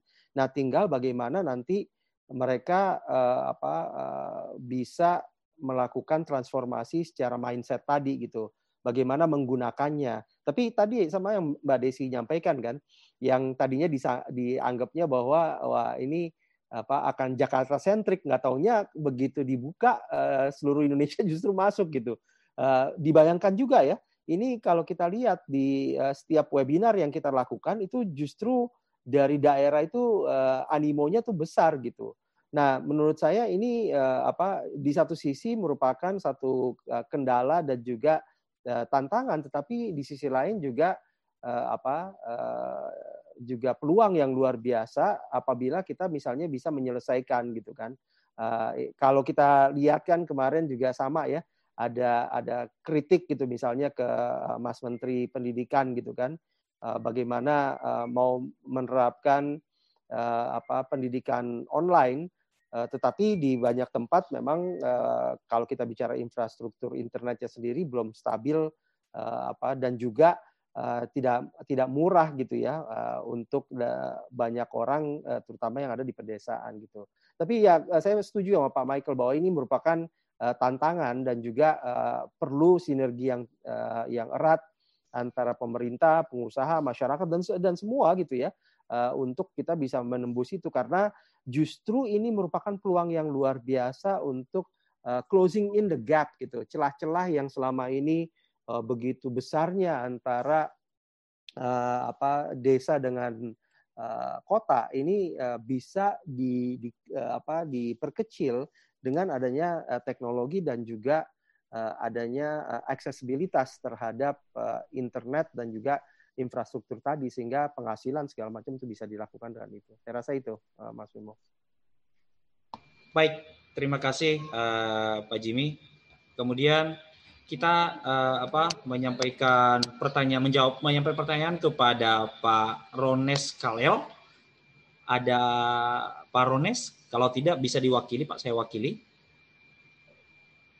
Kalau tidak mungkin beliau tidak ada di tempat. Kita tetap menghargai aja posisinya. Nanti kalau memang tidak juga saya akan mewakili untuk menyampaikan pertanyaan. Jadi kita lewat pertanyaan Pak Rones masuk ke pertanyaan dari Pak Pradita. Jadi kalau ada Pak Pradita, silakan ditampilkan videonya, suaranya dan disampaikan pertanyaan ini tertuju kepada Pak Torik. Silakan Pak Pradita.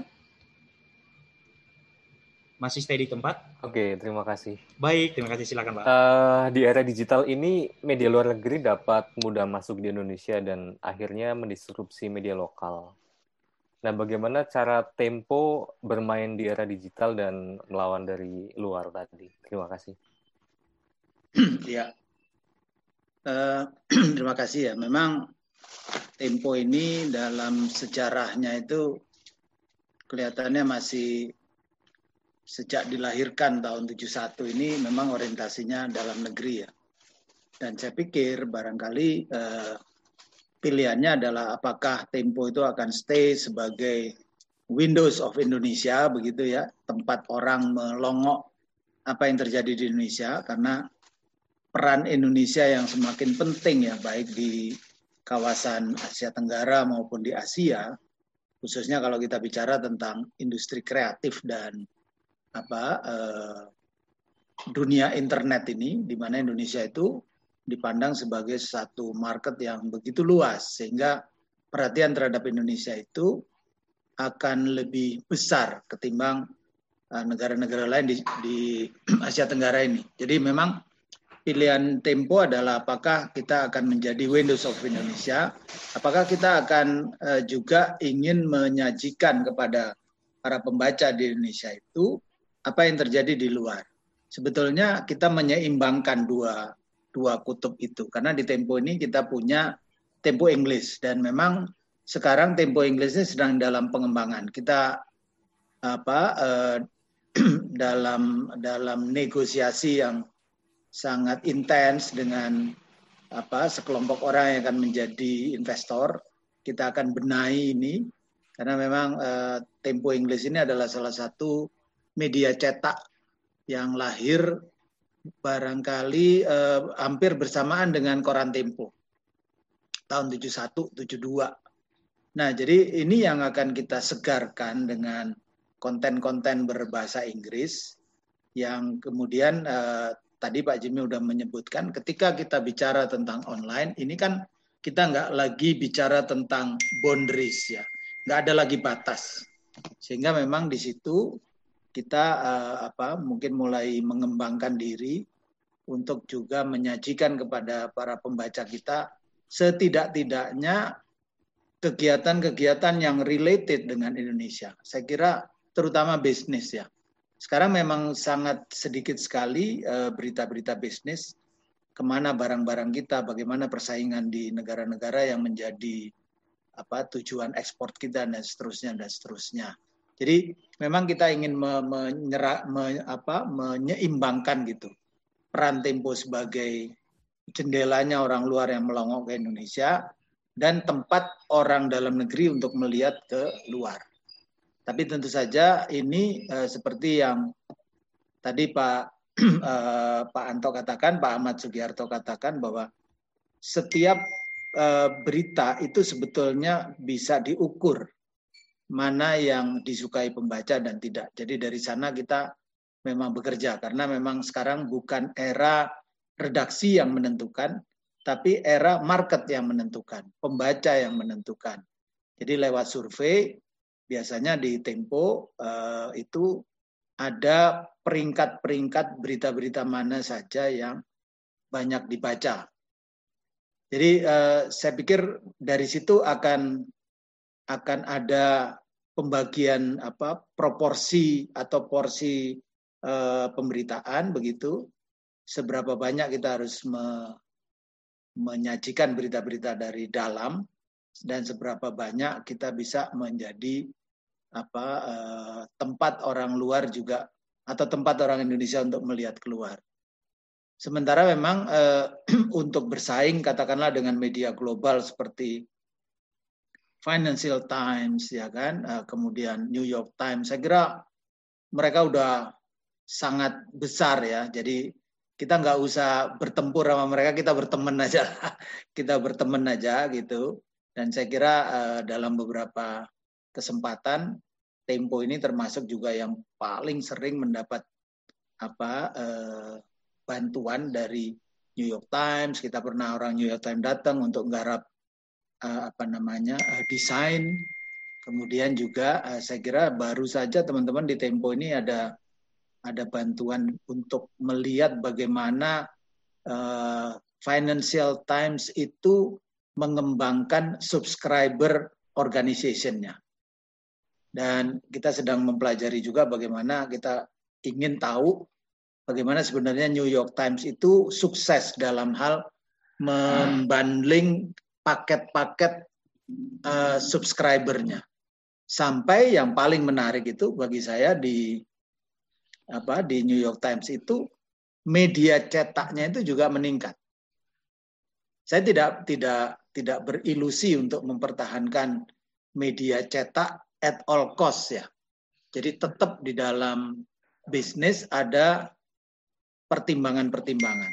Jika revenue itu sudah di bawah harga pokok produksi, saya kira ini rumus yang umum, Bapak Jimmy pasti juga udah udah langsung ini, maka seandainya terjadi rugi bruto, ah, itu sudah harus kita nggak boleh tidak boleh apa eh, istilah orang Jawa itu kelangenan ya. Kelangenan itu apa ya udahlah ini kayak burung perkutut gitu kan. Dia biayanya besar tapi tetap kita pelihara karena setiap pagi kita mendapatkan suara yang merdu. Enggak demikian. Di dalam bisnis media cetak nggak demikian karena setiap hari yang dicetak ini uh, cukup besar uh, apa biayanya gitu. Jadi harus dipastikan bahwa kita setidak-tidaknya laba bruto positif, laba usaha positif lah baru bisnis ini bisa jalan. Tentu ada faktor-faktor idealisme yang harus dipertahankan, tapi alam yang baru ini, yang orang menyebut new normal ini, barangkali memberikan wawasan pada kita bahwa betapa pentingnya kita menakar akal sehat kita untuk berbisnis. Semua harus ada hitung-hitungan yang rasional. Semua harus ada risiko yang dikalkulasi dengan baik. Jadi saya kira mungkin itu aja. Baik, terima kasih dari uh, tanggapan Pak Torik atas pertanyaan. Kemudian uh, saya wakili pertanyaan dari Pak Ronas dan kalau saya lihat juga ini cocok banget ke kepada ke, mengarah ke Bu Desi yang tadi memang pelaku digital unit usahanya. Pertanyaan seperti begini Bu Desi, bagaimana menyiasati untuk pengalihan SDM atau human kepada teknologi karena potensi restrukturisasi organisasi cukup signifikan. Lalu dari sisi people development-nya pada SDM yang tersisa di organisasi tersebut seperti apa nantinya? Karena terkait dengan optimalisasi digitalisasi cenderung dengan result oriented. Jadi silakan Bu Desi. Masih. Udah semangat jawab masih mute. Nah biasa terjadi okay. kalau lagi zoom gitu kayak gini emang. Oke okay, uh, eh, terima kasih pertanyaannya. Mungkin uh, aku jawab dalam konteks uh, kerjaan kemarin-kemarin juga ya gitu. Karena waktu di Unilever kan waktu saya di sana itu tahun 2011 lagi ada shifting lumayan banyak ke digital. Dan aku rasa sekarang banyak perusahaan juga yang ke arah sana.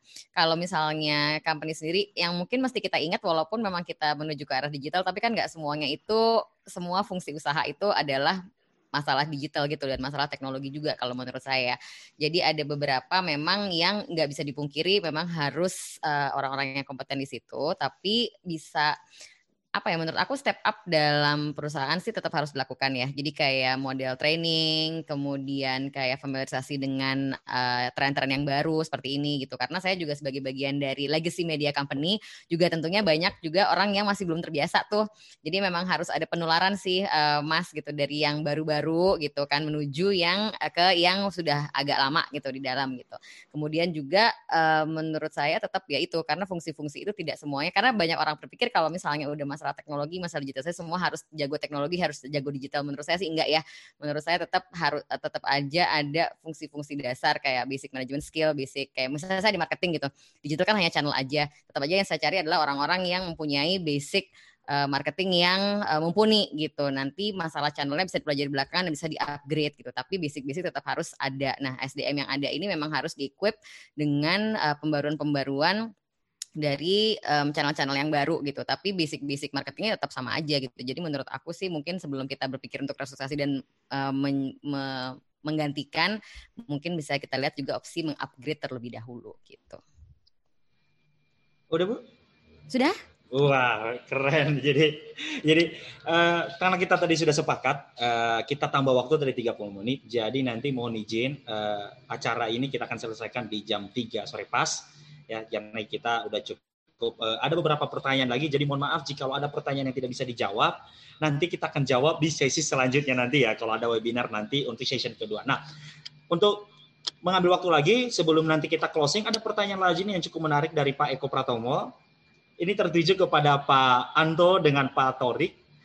Uh, pertanyaan Pak Eko bahwa dengan adanya digitalisasi apakah diversifikasi grup Telkom dan grup Tempo juga akan meliputi sektor fintech. Jadi mohon izin dulu kepada Pak Anto mungkin bisa menjawab uh, memulai menjawab pertanyaan Pak. Silakan Pak. Oke. Ya. Sekarang ini kalau kita nggak masuk gimana ya? Itu aja pertanyaan ya Pak Torik ya.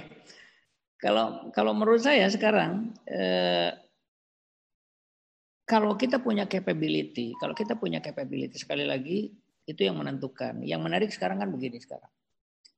Uh, uh, saya masuk ke uh, mungkin ke bisnisnya seperti Mbak Desi. Saya nggak punya capability seperti bisnisnya Mbak Desi gitu. Tapi kita bisa berkolaborasi. Nah, kira-kira begitu. Jadi nggak mungkin kita nggak masuk. Jadi kalau kita bicara fintech kan sekarang Telkom udah ada link aja gitu kan. Nah link aja aja kemarin juga eh, apa udah masuknya ke mana-mana, masuknya udah ke syariah, udah segala. Sekarang udah ini, udah apa orang bilang udah kaca kadut gitu ya. Tapi siapa yang kemudian saya mau relevansikan dengan pertanyaan tadi yang ke ke kalau nggak salah ke ke Pak Jemi ya terkait dengan apa tadi eh, bagaimana pedesaan dan lain sebagainya. Justru menurut saya nggak begitu, nggak perlu di apa nggak perlu dididik menurut saya. Uh, zaman zaman zaman seperti sekarang kalau menurut hemat saya justru itu menjadi bahan valuasi kita. Kenapa? Kalau kita punya inovasi itu belum digunakan atau tractionnya masih rendah, itu artinya apa? Artinya kita masih ada yang kurang gitu aja. Itu artinya masih ada yang kurang. Jadi menurut hemat saya dalam era seperti sekarang adalah saat yang tepat kalau kita bisa menemukan inovasi yang memang dibutuhkan. Tadi saya enak banget tuh dengar eh, ceritanya Mbak Desi ada sekian juta orang masuk ke sana gitu kan. Sekarang kan bahkan webinar saya suka dengar tuh yang apa register sampai seribu orang. Oh, keren tuh kan seperti itu. Dan ikutnya dulu mungkin ke, kalau kita bikin begitu uh, apa namanya offline gitu itu ngedatengin uh, eh, 200 orang aja udah ruwet gitu kan. Kalau sekarang kan enggak gitu ya. Jadi menurut hemat saya uh, itu pasti masuk. Itu pasti masuk. Contoh saya ambil contoh sekarang. Kalau saya mau ambil konkretnya. Perbankan emang nggak puyeng. Perbankan itu sekarang puyeng. Kenapa puyeng? Contoh sekarang, Bank Royal April kemarin dibeli oleh Bank BCA. Bank Royal itu as soon as possible will be a bank digital BCA sebutannya. Sudah ada persetujuan OJK dan nggak mungkin nggak main fintech. Nah kan nggak mungkin nggak main fintech. Terus sekarang kita ngomong apa lagi? Ngomong BRI. BRI dia sedang transformasi besar-besaran. Kenapa? Kalau nggak transformasi, sekarang udah ada peer-to-peer lending, makin banyak. Ada modalku, ada kredivo. Orang minjem 5 juta sampai 15 juta aja gampang banget sekarang. Gitu. Nah, yang menarik sekarang mungkin untuk teman-teman UKM kita. Udah teman-teman UKM kita juga udah bukan lagi menurut tema saya, dia kita jajalin untuk masuk ke, masuk ke marketplace. Udah telat, udah telat sekarang. Sekarang itu harus yang instan, bagaimana langsung eksekusi. Kira-kira kayak gitu. Jadi kalau misalnya, uh, jadi ini kesempatan yang tidak pernah saya dapatkan pada saat uh, saya masih di Telkom gitu ya. Saya harus membutuhkan energi untuk melakukan validasi. Apakah inovasi yang saya buat ini oke okay atau enggak? Saya nggak lupa waktu itu ide saya buat untuk Telkomnet Instan waktu itu uh, sampai kita apa teman-teman ISP segala macam uh, apa uh, ya inilah ya. Tapi nggak bisa dilawan sekarang karena inovasi memang seperti itu. Jadi artinya kesempatan sekarang lah untuk berinovasi. Kalau tractionnya bagus, berarti inovasi kita sukses. Nah, urusan regulasi menurut hemat saya itu urusan belakangan karena regulasi biasanya belakangan. Minta maaf aja belakangan gitu ya kalau orang. nah itu jadi ini kesempatan terus integrasi menurut saya terus kemudian yang kedua tadi juga soal tempo. Kalau kalau menurut hemat saya, saya saya dukung Pak Torik. Saya bilang Pak Torik itu kalau saya dengar ada kata-kata tempo di kuping saya itu uh, udah langsung uh, punya uh, top of mind di kepala saya gitu. Gitu ya Mbak Desi ya. Jadi Pak Torik itu sebagai tempo udah ada. Nah tinggal itu di manage aja Pak. Jadi menurut saya tinggal tinggal nanti kita diskusikan offline Pak, bukan di sini Pak. nah, jadi makasih makasih. Ya jadi yang yang yang tidak ada yang bisa nahan sekarang. Tidak ada yang bisa nahan. Yang ada adalah soal kecepatan. Siapa yang bisa, siapa yang bisa menjadi yang pertama, maka orang akan sulit untuk jadi follower itu aja. Jadi kesempatannya sekarang, kalaupun ya ya itu, itu itu baru baru baru kita tahu fintech ya. Padahal masih banyak yang lain dan banyak banyak cara bisnis bisnis yang berbeda dengan yang nggak usah nggak usah tahun ini satu tahun lalu aja kita berbeda berbedanya sekarang eh, kemarin alhamdulillah saya bisa golkan 7 triliun untuk eh, venture capitalnya Telkom nah Kenapa? Karena kita berasa bahwa di sana itu salah satu part of behind the gun-nya Telkom as soon as possible. Begitu kira-kira. Jadi uh, tadi saya senang banget tadi Mbak Desi bilang di setiap kesulitan pasti ada peluang. Kira-kira gitu. Baik. Terima kasih uh, Pak. Pak Eko langsung menanggapi. Terima kasih. Nah, uh, karena tertuju juga kepada Pak Torik, silakan Pak Torik mungkin waktu beberapa lagi sebelum kita iya. closing Pak. Silakan Pak. Iya, Mas Eko terima kasih nih pertanyaannya bagus banget. Memang rasanya eh, dengan sekarang ini ada sekitar 12 anak usaha digital ya.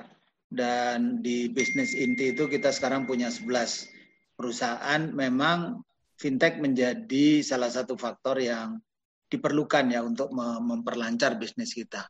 Tapi tentu saja di dalam uh, alam yang sekarang ini tadi udah banyak sekali disebut, Desi menyebut, Pak Anto menyebut, Pak Jimmy juga menyebut, ini sekarang zaman orang kolaborasi dan zaman orang membangun ekosistem. Nah, saya ingin yang kedua ini, membangun ekosistem.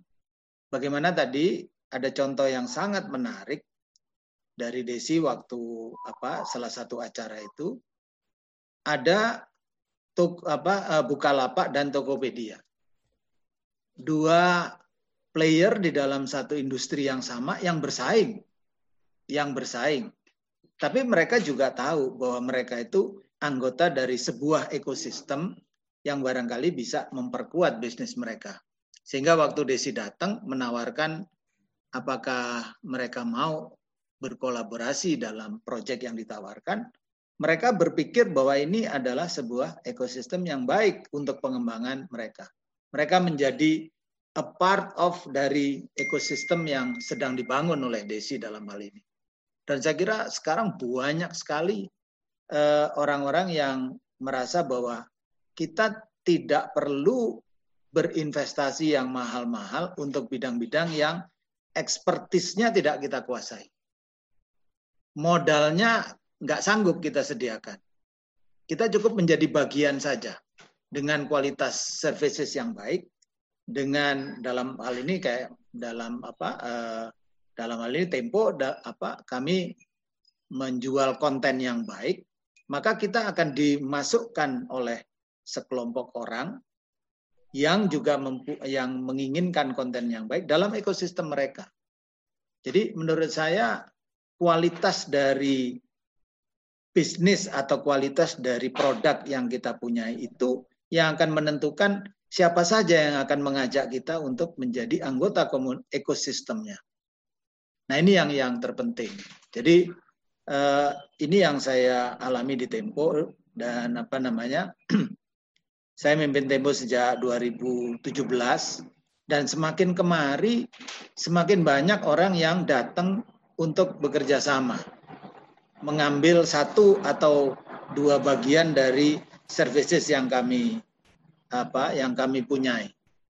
Nah, dalam hal ini saya kira salah satu contoh kolaborasi membangun ekosistem ya antara Tempo dengan Orbitin yang tadi sudah Pak Jimmy sampaikan dengan sangat baik. Menurut saya, Mas Eko, ini waktunya kolaborasi dan membangun ekosistem. Sehingga begitu orang perlu sesuatu aja, nah, maka dia akan mencari di ekosistem kita. Nah itu lebih penting ketimbang kita membangun sendiri yang risikonya juga besar, modalnya besar, ekspertisnya belum tentu kita punya. Itu aja mas. Terima kasih Pak Torik. Baik, karena juga waktu kita sangat dibatasi ya. Ini juga sudah kita tambah malahan 30 menit. Saya rasa buat Bapak Ibu peserta hadirin webinar kali ini yang sudah belum dijawab pertanyaannya, mohon maaf ya, karena kita dibatasi oleh waktu nanti ditunggu kabar selanjutnya. Kita akan melakukan webinar series yang selanjutnya lagi. Nah, nah mungkin nanti pertanyaan itu bisa kita jawab sesuai dengan tema-tema nanti yang akan kita bahas lagi. Nah, yang kedua, sebelum kita mau closing, saya akan uh, sedikit simpulkan beberapa poin-poin penting dari hasil diskusi kita kali ini. Poin penting dari pemateri dari pertama Pak Ahmad Suyoto bahwa faktor eksternal dan internal sangat menentukan transformasi dalam sebuah perusahaan. Kemudian poin penting juga dari materi Pak Ahmad Sugiarto bahwa strategi formulasi transformasi digital harus diimplementasikan. Analisis krisis dan consumer behavior jadi tentu penutahan perubahan eh, perusahaan. Kultur perusahaan menjadi satu hal penentu dengan dikuatkan oleh kapabilitas karyawan.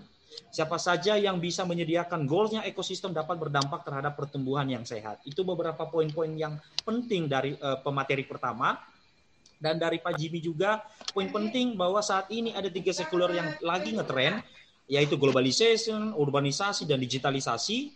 Kemudian organisasi harus lebih pintar supaya lebih kompetitif saat ini.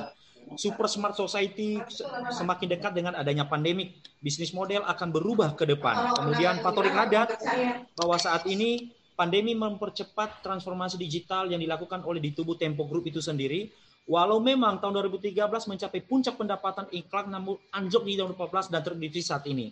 Nah, oleh karena itu transformasi dimulai dari budaya perusahaan, digital skill, newsroom, penjualan iklan dan sirkulasi dan sebagainya. Kemudian Bu Desi Bahir bahwa live stream feeds meningkat saat ini di masa PSBB, bukan menurun malahan meningkat. Jadi oleh karena itu banyak event kini dijadikan sebagai acara virtual. Kolaborasi sangat penting saat ini kita perlukan Kemudian agile assessment, consumer words, collaboration, experimentation, engagement dan experience adalah sebuah ada beberapa poin yang harus memang kita lakukan saat ini. Jadi terima kasih kepada para narasumber kita. Jadi mohon izin kami minta kepada uh, para Bapak Ibu, teman-teman semuanya kita akan dokumentasikan. Mohon dong videonya ditampilin jikalau berkenan, tidak dengan senang hati, tidak berat ya. Jadi tim kita akan uh, dokumentasikan pada tim. Jadi uh, ya oke okay. di sini ada beberapa slide. Jadi uh, bagi Bapak Ibu teman-teman semuanya yang bisa menampilkan videonya kita akan dokumentasikan pada tim di screenshot ya. Oke okay, untuk slider pertama udah oke okay. slider oke okay. tiga dua satu Oke, slide pertama. Slider yang kedua tiga, dua, satu. Yang ketiga, slide yang ketiga, tiga, dua, satu. Aktivitas dokumentasi menutup kegiatan webinar kita kali ini. Kami ucapkan kepada Pak Ahmad Sugiarto, kepada Pak Torik Hadad, Pak Budesi Bair, kepada Pak Jimmy Gani yang sudah mengisi acara hari ini. Mudah-mudahan diskusi kita hari ini memberikan sebuah hal yang penting buat kita, terutama para pelaku usaha bisa melakukan transformasi di unit usahanya. Ya, jangan kita terlalu berpatok pada konvensional saat ini karena kita dipatok untuk bisa masuk pada transformasi digital dan tentu paling penting dari Bu Desi Bahir adalah kolaborasi. Harus Semua wajib. para pemaseri kita kolaborasi yang paling dibutuhkan saat ini. Jadi akhir kata kami ucapkan terima kasih dan kami tutup wabillahi taufiq wa hidayah. Wassalamualaikum warahmatullahi wabarakatuh. Selamat sore semuanya Bapak Ibu semuanya. Terima kasih. Terima kasih. Terima kasih semuanya. Terima kasih semuanya. Assalamualaikum. Ya, terima kasih, terima kasih. Terima kasih semuanya. Pak Eko, terima kasih Pak. Terima kasih, terima kasih, Bang Anto, Bang Ali, Mas Memo, thank you terima kasih. Ya Desi, salam buat di rumah. Iya, ada udah di sebelah. ya Pak Jimmy, makasih. Pak Anto, makasih. Makasih. Yuk. Ibu khawatir mereka kena pergaulannya orang kota. Semoga ikhlas. Kalau mereka dibawa